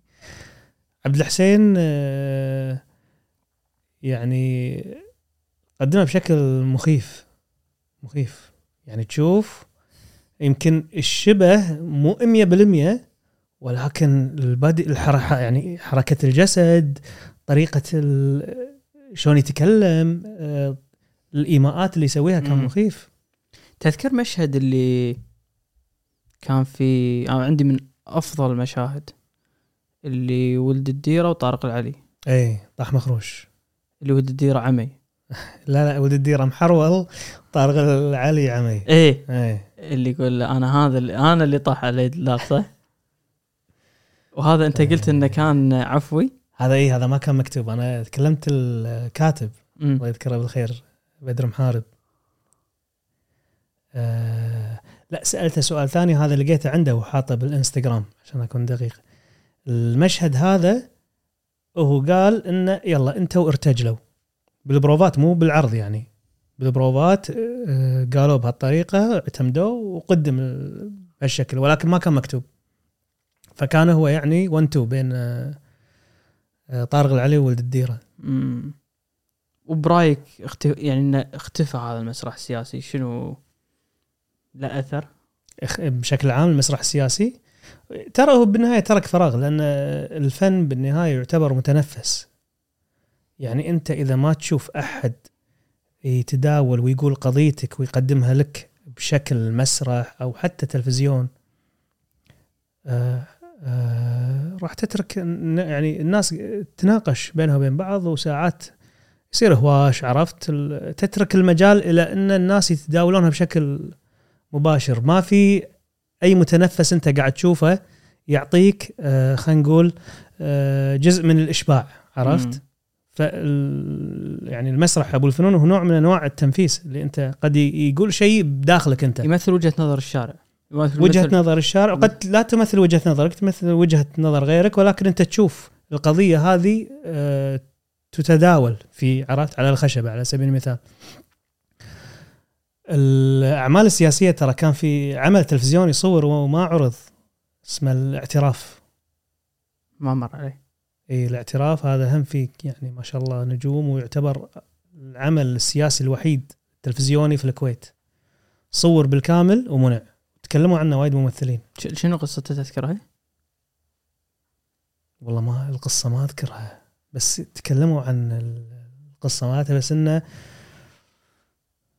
يعني لا، مو أنا ما- مصورة لا أنا ما ما مو قصة المسلسل بس إنه شنو قصة المسلسل ليش منع؟ لأسباب إيه. سياسية لأنه كان أي سنة يعني أو أو حروة ألف- تكلم 2001 كنا مسلسل الاعتراف 2001 إذا شو أتوقع في خالد البريتشي آه، خالد النفيسي أحمد الصالح الله يرحمهم. آه وايد تكلموا عنه وكان إنه بيعرض على وفي يعني وايد مقالات أنا قريتها بالجرايد إنها راح تعرض في التاريخ أو التوقيت الفلاني ولكن ومشكلة إنه صور بالكامل يعني موجود الحين بوزارة الإعلام.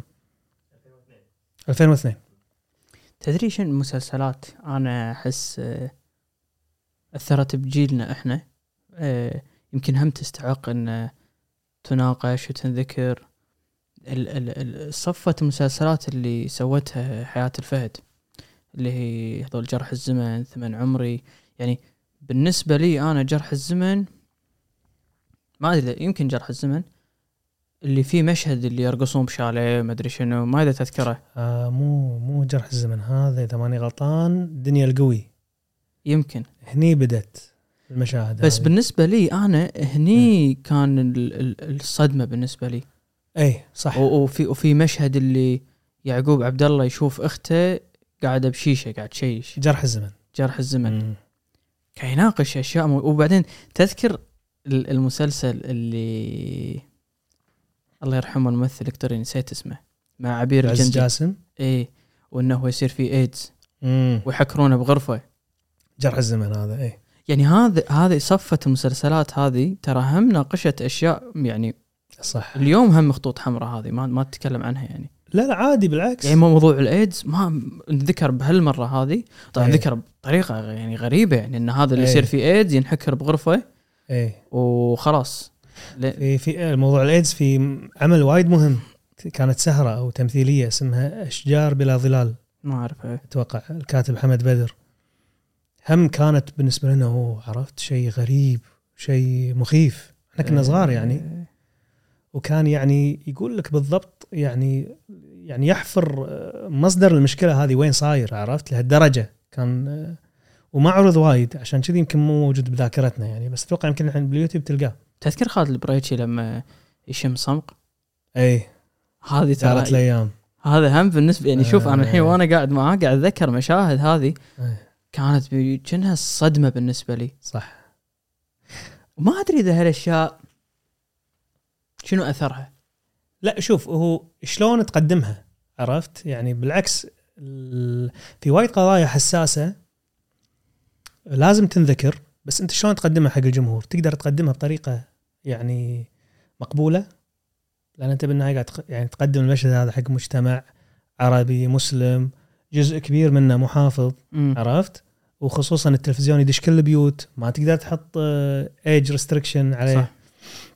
ف في بعض القضايا قدموها بطريقة ممتازة. يعني أذكر أنا في مسلسل حق وداد الكواري اسمه اسمه نعم ولا وداد الكواري اللي انشهرت مسلسلاتها برمضان على قناة قطر صح اللي كان في أيوة. واحد السمين هذا هذا عبد العزاز. لا لا في ياهل أيوه اي هذا هو هذا. فالكم طيب ما أدري صح. شيء كذي صح؟ صح صح, okay صح. okay okay نعم ولا في شخصية من الشخصيات والله ناقشوا القضية أنا الحين ما أقدر أقول لك إياها إيش دعوة؟ والله ما أقدر نحط هذا. طوط ما أدري شنو شلون؟ نحط طوط لا لا لا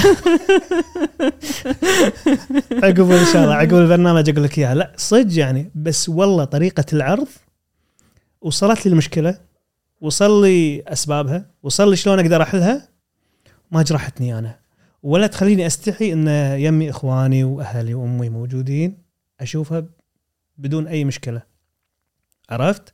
بالمقابل في أعمال ثانية كويتية وغير كويتية يعني خليجية أو عربية لا. يحط لك مثلا مشهد مو زين بطريقة مو زينة. عرفت؟ هذا أول شيء آه، قصر في أدوات ال- سواء كان المخرج أو الكاتب. يقدر يعني هو يفكر أكثر من كذي. قد يكون سبب انه هو يبي يسوي دعاية حق المسلسل يبي ينشاف ووايد صارت ترى. هذه قاعد يستعملون هالتكتيك هذا؟ وايد اي وايد إنه يصير عليه لغط وشلون إيه. حطوا هالمشهد وأنا إيه. أول كنت أعتقد إنهم ينحرجون بس قمت أستوعب إنه لا هذا شيء مفيد لهم يعني لا لا أكو بعض الناس أصلا لعبتها هالأشياء هذه شلون أنا أخلق ترند في وسائل التواصل الاجتماعي بمشهد في مسلسل على أساس لو يخليه أول شيء عشان الناس تشوف المسلسل كله عرفت؟ اي آه هذا قد تكون أسباب وفي أسباب قد تكون يعني مثل ما قلت لك قصر في الأدوات. ما يقدرون يفكرون بطريقة يعني يحط لك المشكلة بيتناولها بطريقتها الحقيقية. عرفت؟ وهذا قد يعني أول شيء آه، مو مريح حق المشاهد.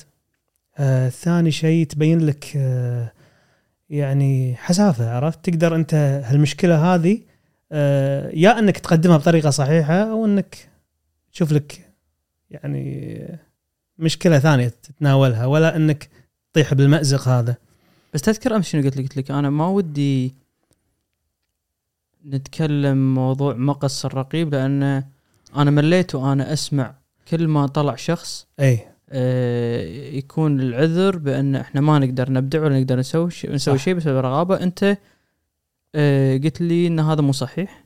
أو أو يعني ما مو, ما مو عائق إيه ما أي. اتفقت فأنا قلت لك خلينا نناقشها باللقاء أحسن صح صح يعني شوف على ال- اللي تو قلناها المشكلة اللي قبل شوي آه إذا أنت تجاوزت ال- الخطوط الحمراء اللي مثلا دولة الكويت ما راح تنعرض على تلفزيون الكويت ولكن تقدر تقدر تعرضها بمكان ثاني مم. عرفت؟ في وايد ناس يتحججون إنه ليش ما عندنا مسرح سياسي بالكويت مقص رقيب؟ ليش ما تقدمون لا في بعض الناس ليش ما تقدمون أعمال زينة؟ ما عن- عندنا مقص رقيب. عندك مثال موجود في إيران. أكثر دولة متشددة في الإعلام المرئي. أهم وأحلى الأفلام موجودة الأفلام الإيرانية. بكل بساطة في بعض المخرجين على أساس مثلا إنه ما يقدر يطلع مثلا قصة حب مثلا بين واحد وواحدة يحطها بين طفل وطفلة. هذا مقبول عندهم. ففي طرق أنت تدور على تتحايل فيها الرقابه رقابة. توصل فكرتك آه، بطريقة آه، ما تسبب لك أي مشاكل رقابية ولا تسبب لك مشاكل مجتمعية عرفت؟ إذا كان المجتمع هو ما يتقبل هالنوع من آه، طريقة العرض إذا تبي يعني إن صح التعبير. بس الحين صارت شماعة وايد ناس ليش مسرحنا مو مثل الأول الحين مقص رقابة. لا لا بالعكس. بالعكس أصلا هذا تحدي. أنت إذا مو إذا كنت كاتب مبدع تقدر تلتف ولا أروع ما يكون يعني. مم. تل- تلتف. وإذا عندك أنت قضية تقدر يعني تعرضها بطريقة يعني ما شاء الله ما يعني الأمثلة كثيرة والحين ما شاء الله يعني العالم مفتوح تقدر تقتبس كذلك. يعني طرق عرض موجودة برا حتى مو داخل الكويت. هو في مرة أنا شفت شغلة تكلموا عنها اللي هي إيش قالوا؟ العرض المسرحي الافتراضي شيء كذي. أتوقع هو شيء طوروه أيام كوفيد. إي. في أحد اشتغل فيه أعتقد يمكن الحملي الحملي. هو اللي سواه صح؟ مسرح افتراضي. تقدر تقدر آه، هذه هذه واحدة من الطرق هو شنو. يعرضونه بيوتيوب يعني؟ هو كنا Zoom أتوقع. كان آه، كنت أنت okay. تشتري تذكرة. okay. ما أدري كم قيمتها. تحطها تشبكها على تلفزيون وعلى Zoom وتشوف يعني مشاهد كل ممثل ببيتهم لأن حتى الممثلين ما كانوا يقدرون يجتمعون. كروائي يعني أنت إحنا الحين قاعد نقارن إيه، مع okay. ال- المسرح فأبي أعرف كروائي هل okay. أسهل؟ عندك مساحة حرية أكبر من المسرح والتلفزيون؟ سابقا ولا الحين؟ الحين. الحين ما في.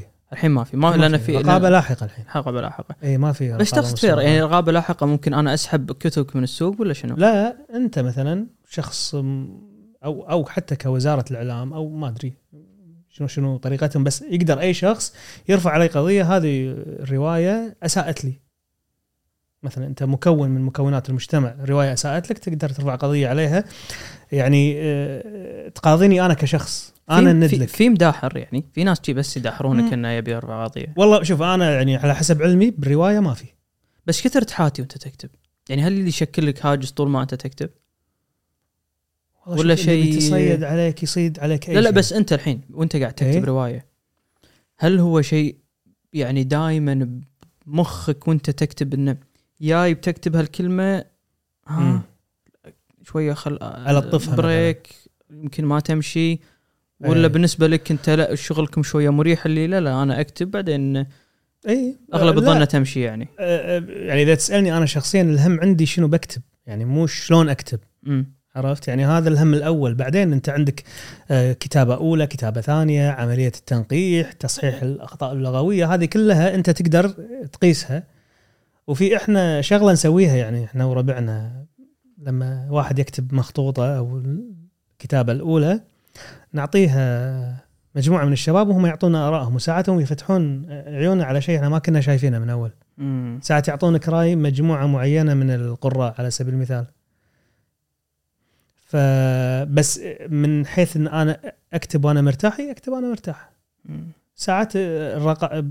أيام قبل قبل. يصير القرار الجديد هذا فعلا يعني الرقابة كانت تمنع آه، كتب لأسباب قد تكون في لفظ معين عبارة معينة مشهد معين.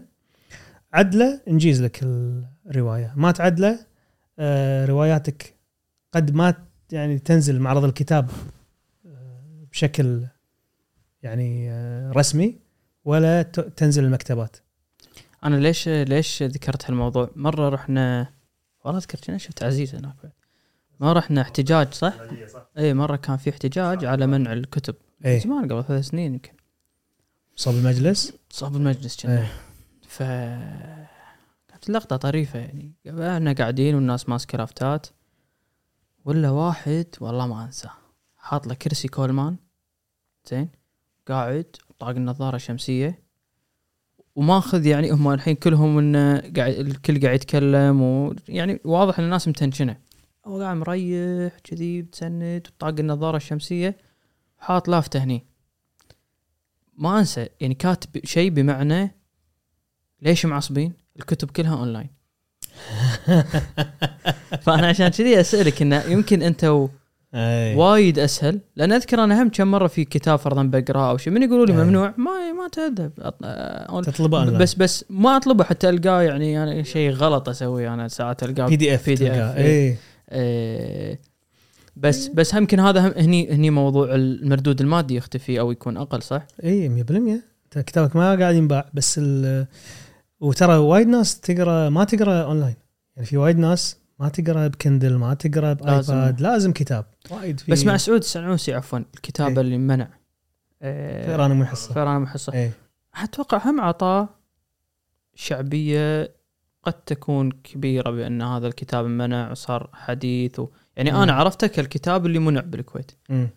فممكن ساعات هم تجي من نصيب الكاتب نفسه اي بس تبي بوجهة نظري أنا كقارئ لفئران محصه أنا أتوقع حتى هو ما كان يحتاج لأنه يمنع عشان يشتري لأن أقول لك الرواية كانت غير عادية.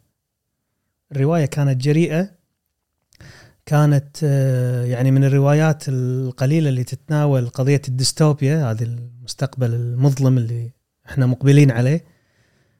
آه، مشكلة الطائفية يعني كانت في أوجها بذاك الوقت. آه القصة حلوة فيها نوستالجيا مو طبيعية. لأنها كانت تبدي من الثمانينات إلى 2020 يعني هذا ال- الامتداد مالها. فكل عناصر جذب الرواية موجودة فيها ولكن قدر لها لأن تمنع. وفعلا المنع سوى عليها focus بس أنا أقول لك هذا ال focus سعود ما كان يحتاجه لأنه ما شاء الله رواية شايلة عمرها. وأنا بالنسبة لي حالي يعني إلى الآن تعتبر من أفضل الروايات الكويتية اللي أنا قريتها. فيها شيء غير عادي يعني. آه منعت ما أدري بأي سنة ولكن هو رفع قضية على الجهة اللي منعت كتابه وردها للسوق بالقانون ما شاء الله عليه يعني صملها وياهم. ال ال ال هي هي تم إنتاجها كعمل تلفزيوني بعدين صح؟ ساق البامبو ساق البامبو إيه. أنا بس بس ما يخالف مم. يختلف الكتاب بس إيه. السؤال نفسه يعني إيه ساق البامبو هم رواية صح. كانت ناجحة صح برأيك كروائي كقارئ هذه الأعمال يعني يمكن ناخذها كمثال فرضا ساق البامبو لما تم إنتاجه كعمل تلفزيوني. مم. هضم حق الرواية. هل يعني أنت ممكن تاخذ رواية و... وتطلعها ب- يعني بإمكانياتنا هني على الاقل بالكويت مم. تعطيها حقها بالتلفزيون أو مسرح أو ايا كان؟ إي والله ليش لا؟ بالعكس لأن في أفكار وايد حلوة موجودة بالروايات. آه تحت يعني التلفزيون يحتاجها لأن خلاص إحنا ملينا من القصص المكررة المشاهد المكررة مثل ما قلنا بداية اللقاء يعني. ساق البامبو الحلو فيها القضية جديدة يعني ما تم مناقشتها من قبل يعني جديدة تعتبر.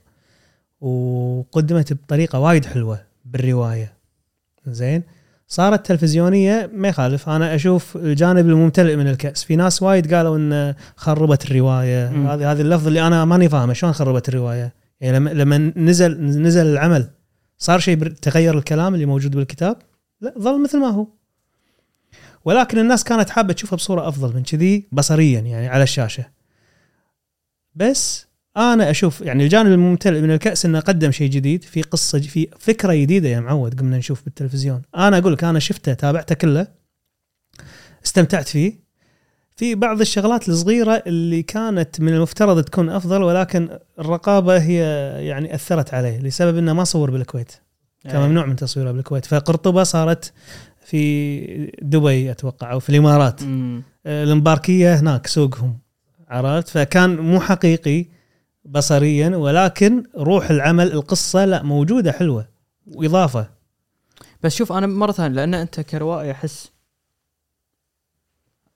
أنا ما أقرأ وايد روايات بس من الروايات اللي قرأ توني أتذكر ما ما قلت لك بعد اللي استمتعت فيها من أول كتب اللي قريتها بحياتي كان آه، البؤساء Les Misérables إيه. آه بعدين شفت ال ال ال ال الـ musical هذا أو الفيلم اللي سووا عليه إيه.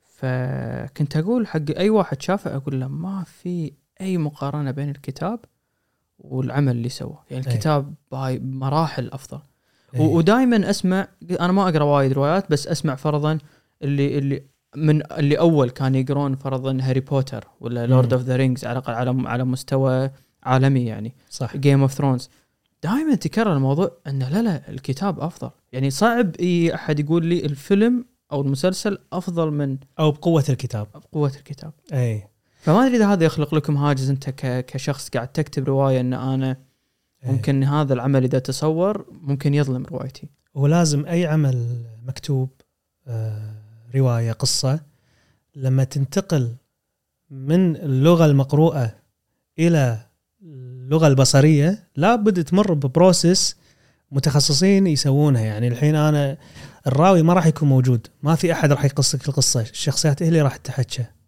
صح ولا مو صح؟ الانفعالات الداخلية اللي أنت بكل بساطة راح تستمتع وأنت تقراها في الرواية راح تشوفها بعيون وأداء الممثلين الموجودين قدامك. القصة تقدر تقراها بألف صفحة. يمكن العمل التلفزيوني أو السينمائي يختصر لك إياها بساعة ونص أو مثلا 45 دقيقة للحلقة الواحدة ماكسيموم 30 حلقة عندك. أتوقع هذا أهم شيء إن أنت ككاتب تاخذ راحتك إيه. وايد أكثر. اي أنا إنك عشان كذي تكتب كتاب يعني. صح أنا عشان كذي وايد أحب أفصل العمل سواء كان عالمي أو محلي إذا كان رواية بينتقل إلى التلفزيون أو مسرح أو سينما البروسس اللي راح يمر فيه خلاص هي راح تغير من شكله الفني. راح ينتقل من قالب ال- الرواية أو القصة إلى القالب البصري سواء كان مسلسل أو حتى مسرح. في في آه، أتوقع واحدة من الروايات صارت مسرحية بس ماني بتذكرها روايات هني بال... بالكويت؟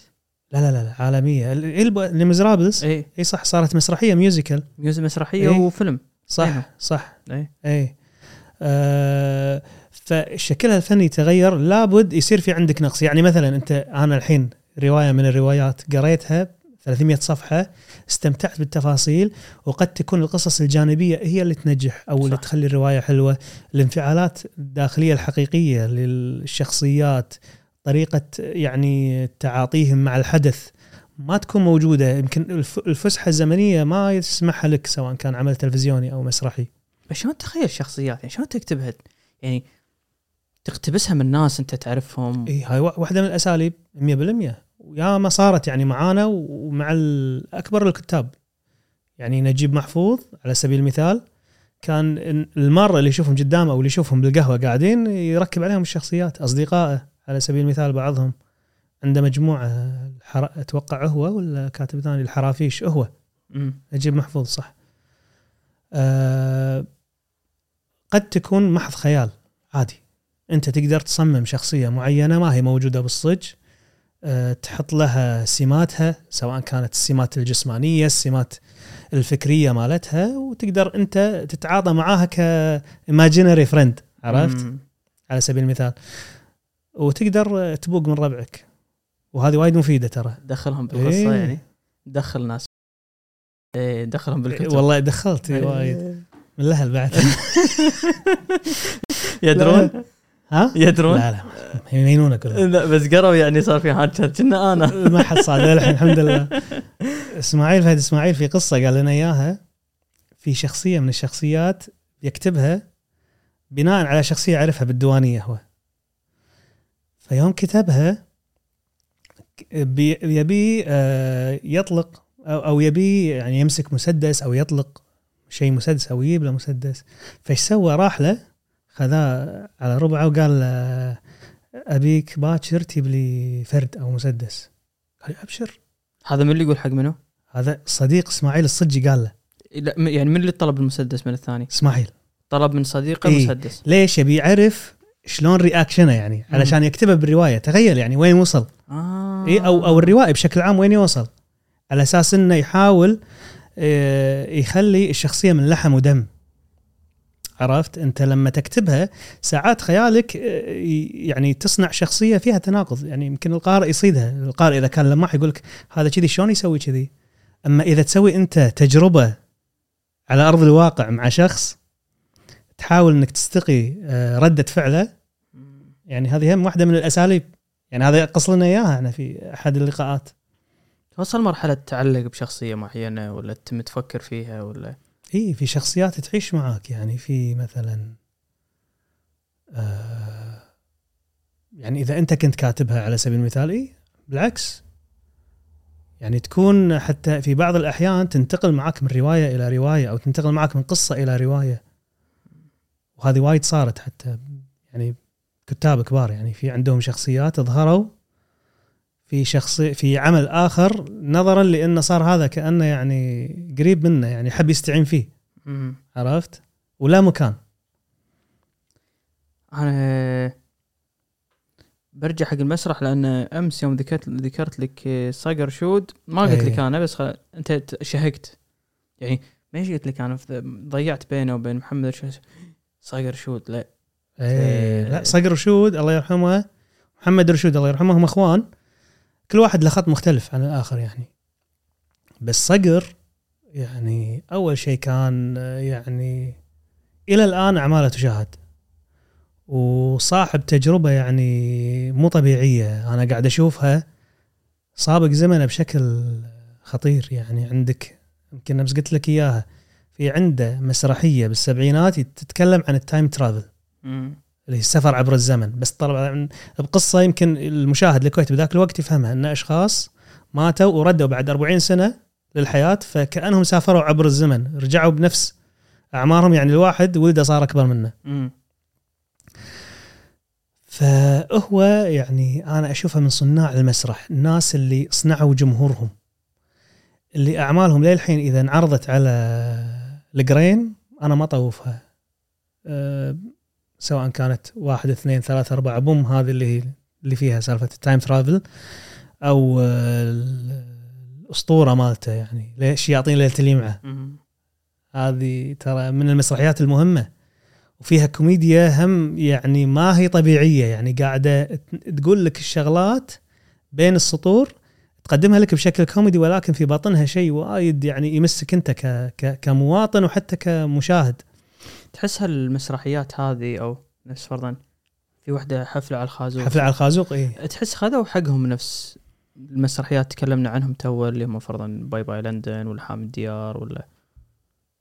والله إيه أتوقع حفلة, حفلة على الخازوق أصلا طلعت من آه، يعني محيط الكويت. حفلة على الخازوق بس أقصد بيومنا هذا إنه يتم ذكرها فرضا إي أتوقع هي الحين بالكويت من ما شاف حفلة, حفلة على الخازوق ومع العلم إن الكاتب مصري وقدمت المسرحية هذه بدول وايد أنجحها كانت الكويت مم. لأن ترجمها بشكل مختلف مشهد الصناديق اللي هم فوق عبقري- بعض. عبقري عبقري, عبقري. هذه أنا شفت نسخ لمسرحيات أخرى أتوقع واحدة كانت سورية وواحده كانت أتوقع مغربية أو تونسية ماني متذكر. بس النسخة الكويتية كانت مختلفة. تفاعل الجمهور مع هالمشهد بالنسخه الكويتية يختلف عن كل ال- النسخ اللي قدمت فيها خصوصا إن النص مو كويتي أصيل يعني هو نص مستورد. ولكن شلون يعني يشكله بالطريقة اللي للحين إحنا نشوفها. الحين أي خبر ينزل يحط لك مشهد الصناديق على سبيل المثال. رد علينا ما أدري. عرفت؟ بس ما ترى أنا هذه معلومة أول مرة أدري عنها يعني. شنو قصة النص؟ انه خذ يعني لا وكات الكاتب مصري نزلها كمس كمسرحية. حلو. مكتوبة. إيه. موجودة. خذاها صقر رشود نقلها على الخشبة. آه. وهم إيه. غير صقر شود نقلها للكويت. في نماذج ثانية صارت يعني برا. اي نفسها. اسمها حفلة على الخازوق. أنا اللي أذكرها السورية لأن هي موجودة على اليوتيوب. مم. بس لو تشوف لنا الكاتب نسيت أنا اسمه كاتب حفلة على الخازوق. نسيت اسمه. هم كاتب مهم. مم. والغريب في الموضوع في مقابلة مع مرته مرتك يا؟ كاتب حفلة على الخازوق. أه ما قدر يعرضها بمصر لأنها منعت من الرقابة. صح صح صح صح. محفوظ عبد الرحمن. الله يرحمه. انعرضت بالكويت ذاك الوقت. شوف, شوف شوف الفرق. وغيرها علي جناح التبريزي وتابعه قفة. هم تعتبر نفس سمه حفله على الخازوق إذا مر عليك. مم. هم هذه يعني واحدة من الأعمال العجيبة اللي وتالق فيها غانم الصالح الله يرحمه. أنت قلت نقطة م- يعني زمان. انه من زمان أقصد يعني قبل ما أدري إيش كثر من قبل نص ساعة الحين ما شيء كذي. المهم إنه قلت مشهد المشهد اللي بحامي الديار أعتقد اللي قاعد يناقشون المذاهب وهذا. أيوه. بحامي الديار صح؟ صح. قلت إنه لو يعرض اليوم يعني راح يصير طق بين ال... أنا مو قصدي الطائفية. أي مشكلة؟ أي مشكلة سياسية؟ إيه بغ... أنا بشكل عام بتكلم بغض النظر شنو شنو الأسباب تحس؟ آه يمكن الحين الجمهور مو متعود مثل قبل. ترى الحين الجيل اللي موجود ما عاش ذيك الفترة. يعني الجيل هذا مسرحيا يعني متى متى وعيه تشكل؟ على سبيل المثال إحنا نشوف الجيل الجديد- يعني اللي حضر يعني المسرحيات اللي موجودة الحين.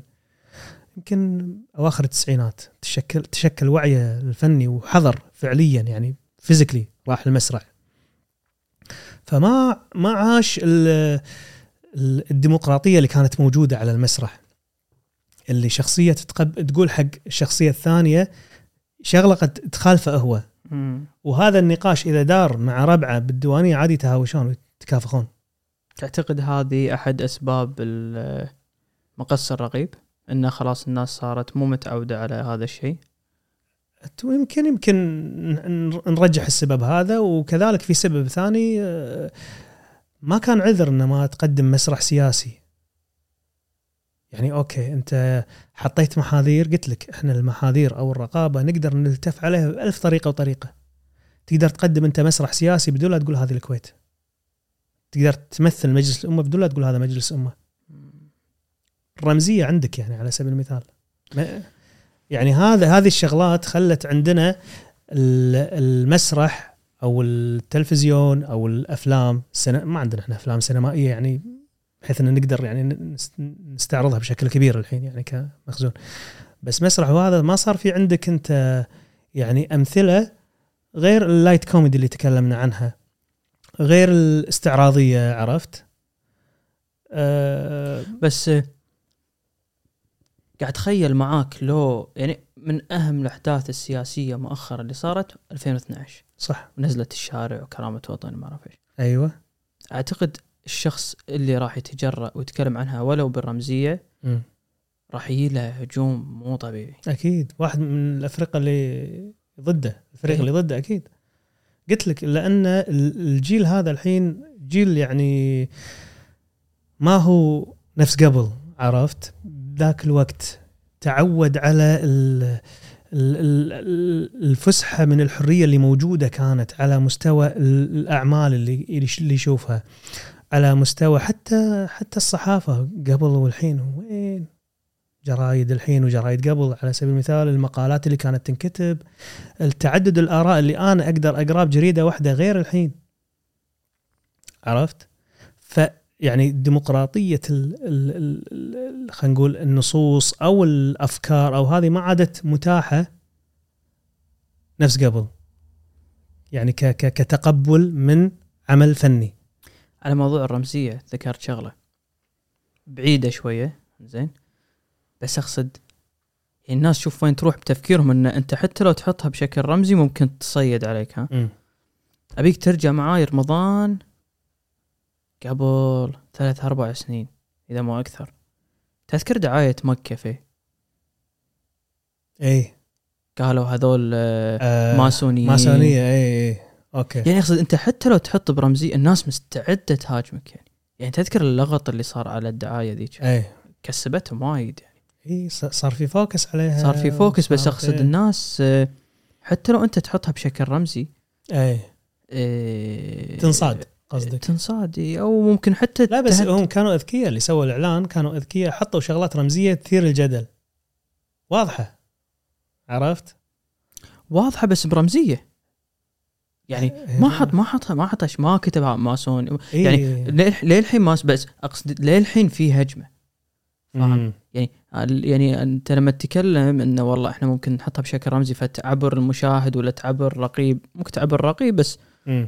الناس آه، يعني قل الحده ما راح يكون يعني مثلا ما راح يكون نفس آه، إذا كان مباشر. يعني مثلا حطيت إحنا سميناهم الفريق البرتقالي والأزرق اللي هم كانوا موجودين ب 2012 بشكلهم الصريح بذاك الوقت لا راح تصير عفرة لأن ذاك الوقت كان في شحن مو طبيعي ضد بعض.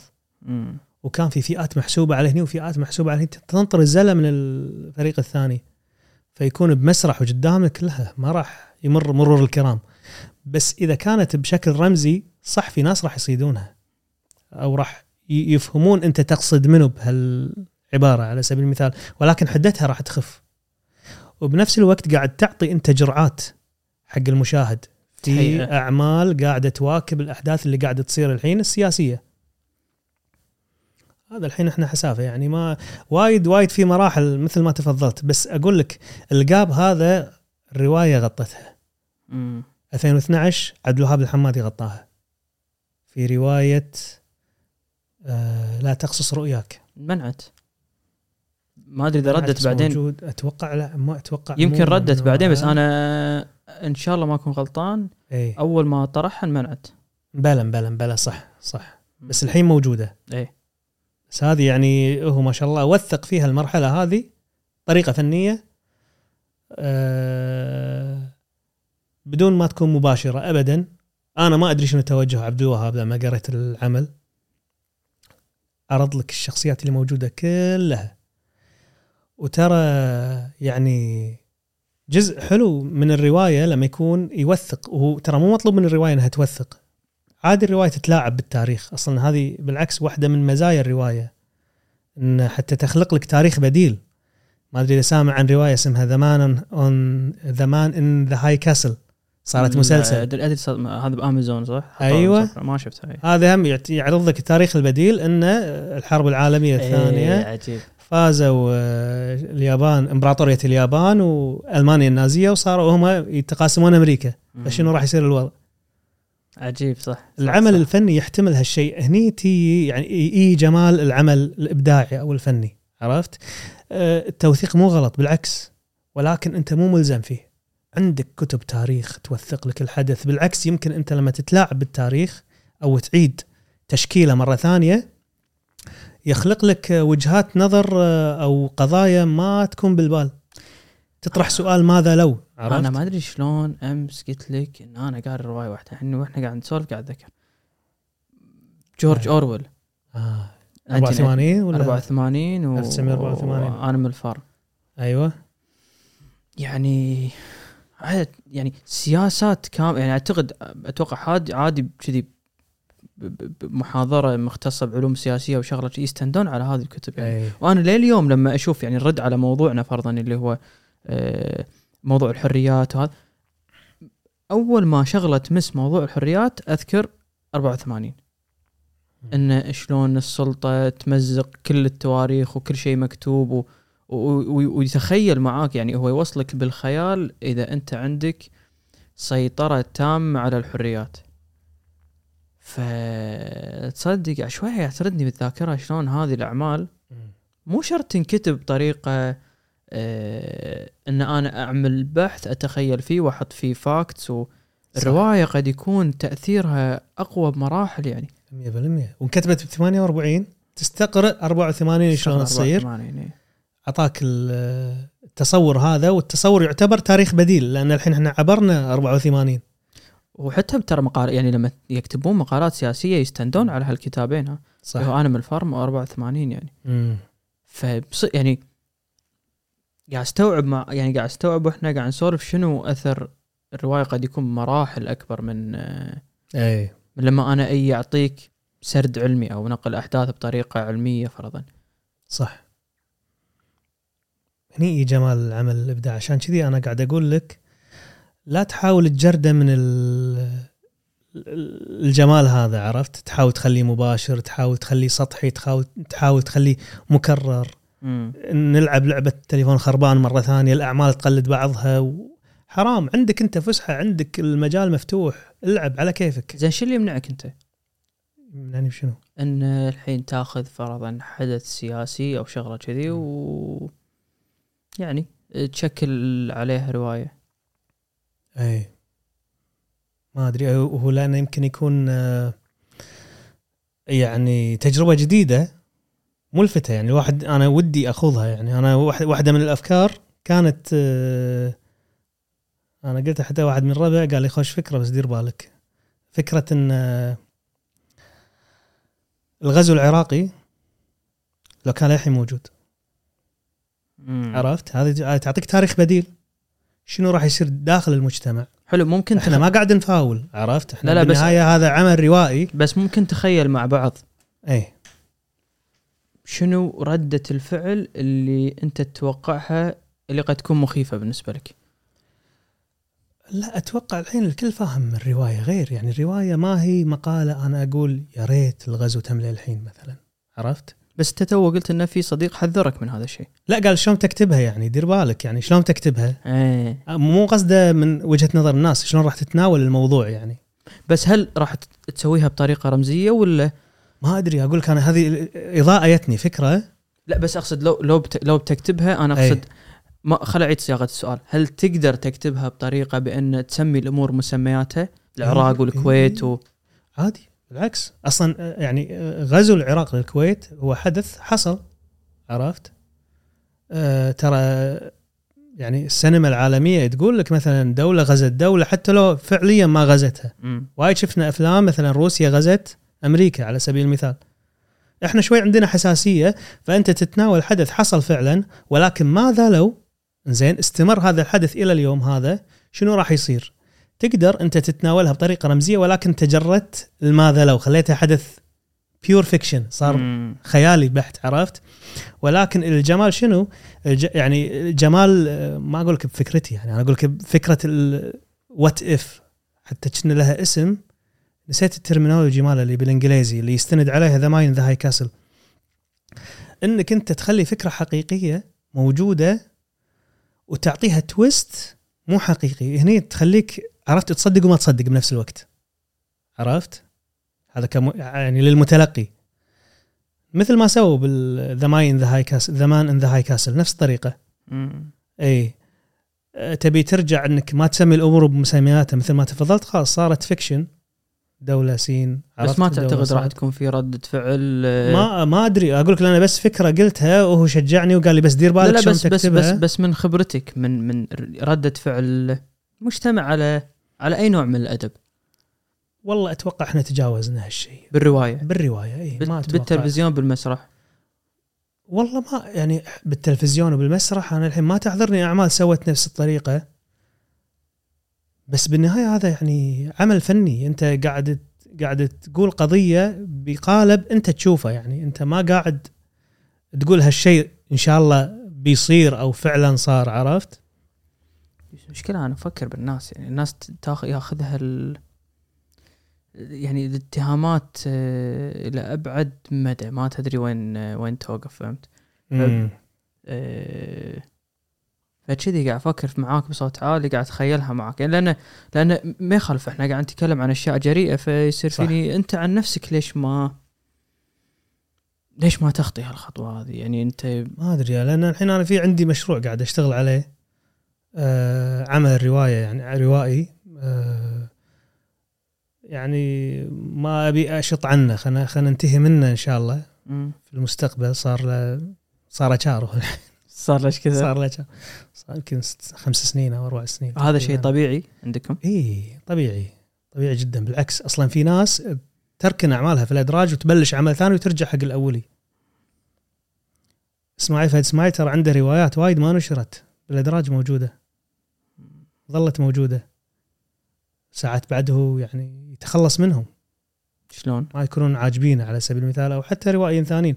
في روائي حرق روايته مرته أنقذت كم صفحة منه وعقب ما مات هو أعطته شخص كمل الرواية. والله نسيتها شنو. بس هذه يعني من, من ضمن الشغلات يعني اللي تصير عرفت؟ بس عادي الرواية خلها تاخذ وقتها. يعني الرواية بالنهاية ما لها ديدلاين يعني. متى ما خلصت خلصت. يطري على بالك أي يعني وانت وانت تكتب وانت تفكر بالرواية يعني ما يخالف يعني الدوافع المالية تطري على بالك بأي شكل من يعني الأشكال؟ الكتاب يبيع أو ما يبيع؟ اي يعني هذا آه. شيء ممكن يبيع ممكن ما يبيع. آه لا بالعكس. أنا بس بقدم عمل فني يعني. بالنهاية حتى أنا إذا العمل باع نسبة الكاتب بدار النشر ترى. أنا هذا اللي سمعته تصدق اي إنه ولا شيء يعني. لا لا. يعني وبالنهاية الشغل كله قاعد تقوم في دار النشر يعني أنا ما قاعد أقول لهم إن هم قاعد يأخذون يعني نصيب الأسد من فراغ بالعكس هم قاعد يوزعون لك يخزنون لك يدزون لك برا يوزعون على المكتبات يحصلون ال... يعني هذه الأمور كلها وهذه سياسة متبعة يعني حتى أتوقع برا يعني. بس, بس- تو قلنا عفوا لما قلنا عن هذول اللي يكتبون أشياء بسيطة اي بس دار النشر تستفيد عرفت؟ مم. في بعض دور النشر شو تسوي؟ سواء كان مثلا كاتب عنده جمهور أو كاتب يعني لا وزنه تعطيه فلوس اكتب هالرواية أنا أستثمر لك فيها هذه كم طبعة لقدام. يعني أنت الحين روائي معروف لك جمهورك أو أنت مثلا روائي مو حقيقي إحنا بنسميها المسمى ولكن عندك متابعين وهذا وايد اكتب لي هالكتاب انشره عندي ولك عشر آلاف دينار من راس مرفوع.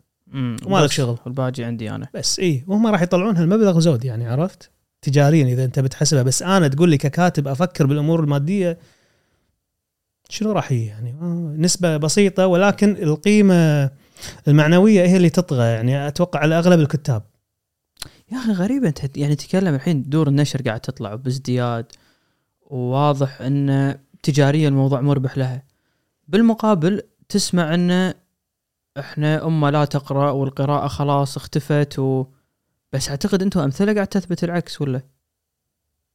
شلون إنه يعني ما قاعد ال- يعني. إحنا الحين الاست... ال- الصورة النمطية اللي طالع عن إيه. الدول العربية خلينا نتكلم عن الكويت فرضا. أوكي. إن القراءة أصبحت شبه معدومة ما حد قام يقرأ. زين هذا اللي إحنا نسمعه. ولكن نشوف زيادة في عدد الكتاب زيادة في عدد دور الن- ال- النشر. معناته هالكلام هذا مو صحيح أو الصورة النمطية هذه مم. اللي قاعد تذاع مو صحيحة.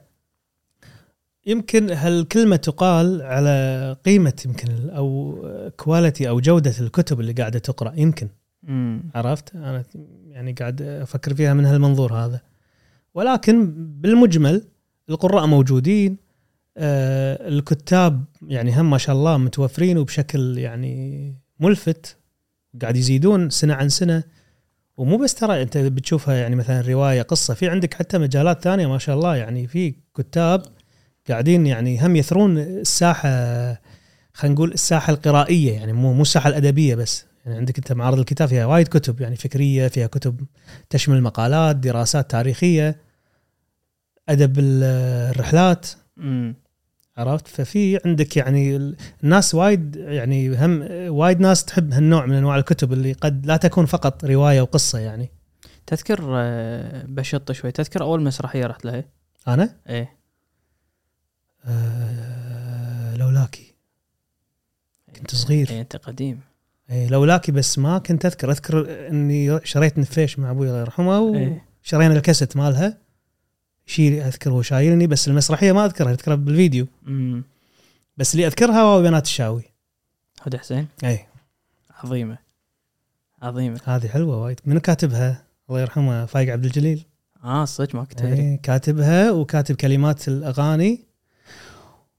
وإن شاء الله صح اللي لحنها آه اللي لحنها اللي لحنها نفس اللي لحن آه، أنا بتحداك إن عزيز بيطلع قبل لا أنت تذكر. إيه. واوي الواوي بنات الشاوي لأن هم لحنها وايد حلو. يعني هو اللي خلاها كلاسيكية طالعة شنو؟ قاعدة على الشط. اي هذه الحين صارت يعني من إيه. الموروثات اللي صح، قاعدين صح. إحنا نقولها. أنا ليش ليش أقول لك؟ لأن ذاك عبد اللطيف لا عبد اللطيف الناي كاتب كلمات. آسف. إيه تفضل. لأن ذاك اليوم قاعد ما أدري نقاش. يعني أنا ما بسالك سؤال بس أنت فكر معي باللي هو قاله. أي. يعني يقول إحنا جيل هو بعد أكبر مني يعني هو يمكن أكبر مني بعشر سنين. أي. 10 إلى 15 سنة يمكن. يقول إحنا وعينا على آه، اللي هم فرضا أفلام الكرتون ومسرحيات غرست فينا قيم هالشيء ما عاد موجود بالجيل هذا اللي, اللي موجود اليوم؟ يعني أوكي. عرفت اللي إحنا مساء نتكلم عنه إن أنا مباشرة أقول لك هذا مسرح الطفل أعتقد شيء مقبول إن أنت تسوي واحد لا تسوي اثنين هذا صح هذا غلط فقاعد أفكر قاعد قاعد قاعد أراجع بيني وبين نفسي قاعد أقول صدق أنا ممكن أخلاقياتي والقيم اللي أنا وأنا قاعد أكبر قاعد أطبقها وترسخت عندي هل ممكن يعود الفضل ل ل ل لسبيس تون ولا ولا ولا ولا هدى حسين ولا عبد الرحمن العقل. اي ما أدري قاعد أفكر بصوت عالي يعني. والله أنا بالنسبة لي يعني أنا أتوقع وأنا هذا الحين قاعد اكتبه ال- أنت حتى أنت في الحين. مم. يعني الأعمال اللي شكلتنا إحنا شكلت شخصياتنا. آه، مسرح طفل مثل ما تفضلت. لابد بهامش من المباشرة موجود. انت بالنهاية جمهور مسرح الطفل بالكويت عندك من ثلاث سنين أو من سنتين ل 15 سنة. فعندك الرينج هذا موجود. ولكن في بعض الأعمال كذلك تحاول تف يعني آه، تحترم ذكاء الطفل. ما تخليها بطريقة غير مباشرة. على سبيل المثال في مسرحية سندريلا. ما قال لك الكذب مو زين؟ حط لك القصة المعروفة اللي هي الراعي مع الغنم اللي يقول يا الذيب كلا غنمي. قص على ربعة مرة مرتين. يوم صارت الصجية غنمه انوكله وكلاه هو الذيب هذه سندريلا ولا؟ لا؟ سندريلا اللي كانت بلوحة غنائية.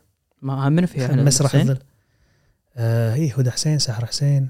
اسمها توفيق هذه اللي كنت ناسي اسمها أنا قبل شوي. أوكي. اسمها أنت توفيق الله يذكرها بالخير. صار شراح الله يرحمها كانت معاهم. فتقدر تمثل القيمة أو النصيحة تشكلها بشكل حكاية. وهذا ترى إحنا حكاية الجدات وحكايات الأمهات كلها كانت تنقال بالطريقة هذه. تقول لك قصة ما تقول لك لا تكذب تقول لك هذا فلان كذب صار في كذي. فأنت بالنهاية قاعد تقول إن الكذب راح يدخلك بمشاكل على سبيل المثال. ولكن مع هذا أقول لك إحنا في مسرح الطفل ما في مشكلة تقول في وعظ مباشر للطفل. لأن بالنهاية قلت لك الرينج اللي عندك أنت مو ما قاعد تتعامل مع مثلا 10 سنين ل 15 سنة على سبيل المثال. لا عندك أنت ثلاث سنين يحضرون على سبيل المثال. وأنا أذكر في أغاني كنا إحنا نسمعها في المسرحيات يعني مثلا كلمة شنو؟ والله كانت ذاك اليوم. في كلمة يعني غلجة ولكن أنا أذكر بالعربي عرفتها لأني سامعها بمسرحيه وعرفت معناتها مو بس أعرف أقولها يعني. أنا واحد يعني أذكر مقطع كنا ليلى والذيب اللي إيه. يمسكون شبل إحنا سباع وندق القاع. أيوه. ويطقون على الأرض. كذي هاي. ندق القاع. هذه هذه هذه من المقاطع اللي إيه. س- فرضا كلمة سباع عرفتها من؟ هل, هل يعني قلت أقول عن نفسي سباع وندق أوكي. ف, ف بس فرضا يعني يعني هذول ملوت سبيس تون يعني. هذا يعني أتوقع هذا عرفت مو هذا. مشكلة سبيستون هذا مو جيلنا عرفت؟ أنا لا ما أقدر أقيسه. انت قاعد تكبرني. لا إحنا لا إيه. إحنا الله يسلمك. آه كابتن ماجد شاركي وجورج. أنا لحقت عليهم. هني كنت إيه، وايد صغير. يعني. بعدين فرضا بس دشيت ما إذا في واحد تعرف اسمه تعرف اسمه أنا وأخي. اي يعني هذا. خلاني أنا مع إخواني. لا لا. صدق؟ اي لا تقرب خوش يعني. موسيقى. عاد. إيه، أوه عجيبة موسيقى. المقدمة. عجيبة. في ترى account الحين كنا بتويتر. اي اسمه سبيس تون شيء كذي شيء كذي. أوكي. يحط لك مقدمات. يعني شوف تحوشك نوستالجيا بحياتك. ما راح إيه. تحوشك. اذا ويحط لك هذا ما أدري الكوكب ما أدري شنو اللي. الحين الكوكب مال اليهال. الحين إيه. الكوكب مال. أنا بس- هذول الأكونتات أعرفهم أسميهم أنا النبلاء. اللي هذيل يحط لك الذكريات وخصوصا اللي يتكلم عن عن عن الوبايات وكذي. إيه، إيه، اي إيه. يسوون شغل وايد حلو. أه كمل. ان إن سبيس تون يعني تأثر على ما بس أنا قاعد يعني قاعد أفكر هو لما قالها ما عمري فكرت فيها يعني انه هل هي بالفعل حققت الهدف اللي هي تبيه وصار عندنا بشكل يعني اغرست فينا مفاهيم إحنا ما ندري إن هي اللي غرستها فينا. أي أكيد. أنت حتى يعني عقلك اللاواعي قاعد يلقط ترى أشياء أنت ما تحس فيها. تبين معاك بعدين وتبين معاك بسلوكياتك وأنت ما تحس. قد يعني يكون هالشيء يمكن هذا علماء النفس أو علماء الاجتماع يفيدونك فيه أكثر مني يعني. ولكن أنا هذا اللي أحسه يعني وأنا هذا استشفيته بروحي يعني. في يعني مثلا قلت لك هي آه، كلمة الأمانة على سبيل المثال في أغنية من أحد المسرحيات الأمانة. أول ما بديت أكتب جتني يانا درس في كلمة الأمانة عرفت وتذكرت القصة اللي كانت بالمسرحية شلون شنو فائدة الأمانة وليش إحنا لازم نكون أمينين. فما احتجت المدرس يشرح لي شنو معنات الأمانة لأن هي كانت تعتبر يعني كلمة مركبة معناتها مركب ما هي سهلة. حق طفل يعني عمره ست سنين أو خمس سنين أولى ابتدائي. بس يا أخي أحس صدق الواحد لازم يعني يذكر فضل أعتقد آه، اللي يحضرون الاثنين ما أدري إذا في أكثر بس آه، عبد الرحمن العقل وهدى. حسين يعني قادوا هذا المس ما يمكن أكون غلطان ما, ما أدري في أحد قبلهم إيه، معاهم لا بس هدى حسين صح كانت من الرواد هي وسحر وسووا شغل وايد حلو بالحكايات العالمية يعني أو الموروثات الشعبية ليلى والذيب آه، أتوقع الجميلة والوحش اقتبسوا قصه من المكتبة الخضراء اللي هي البنات والساحر كانت. إيه. قصة البلبل.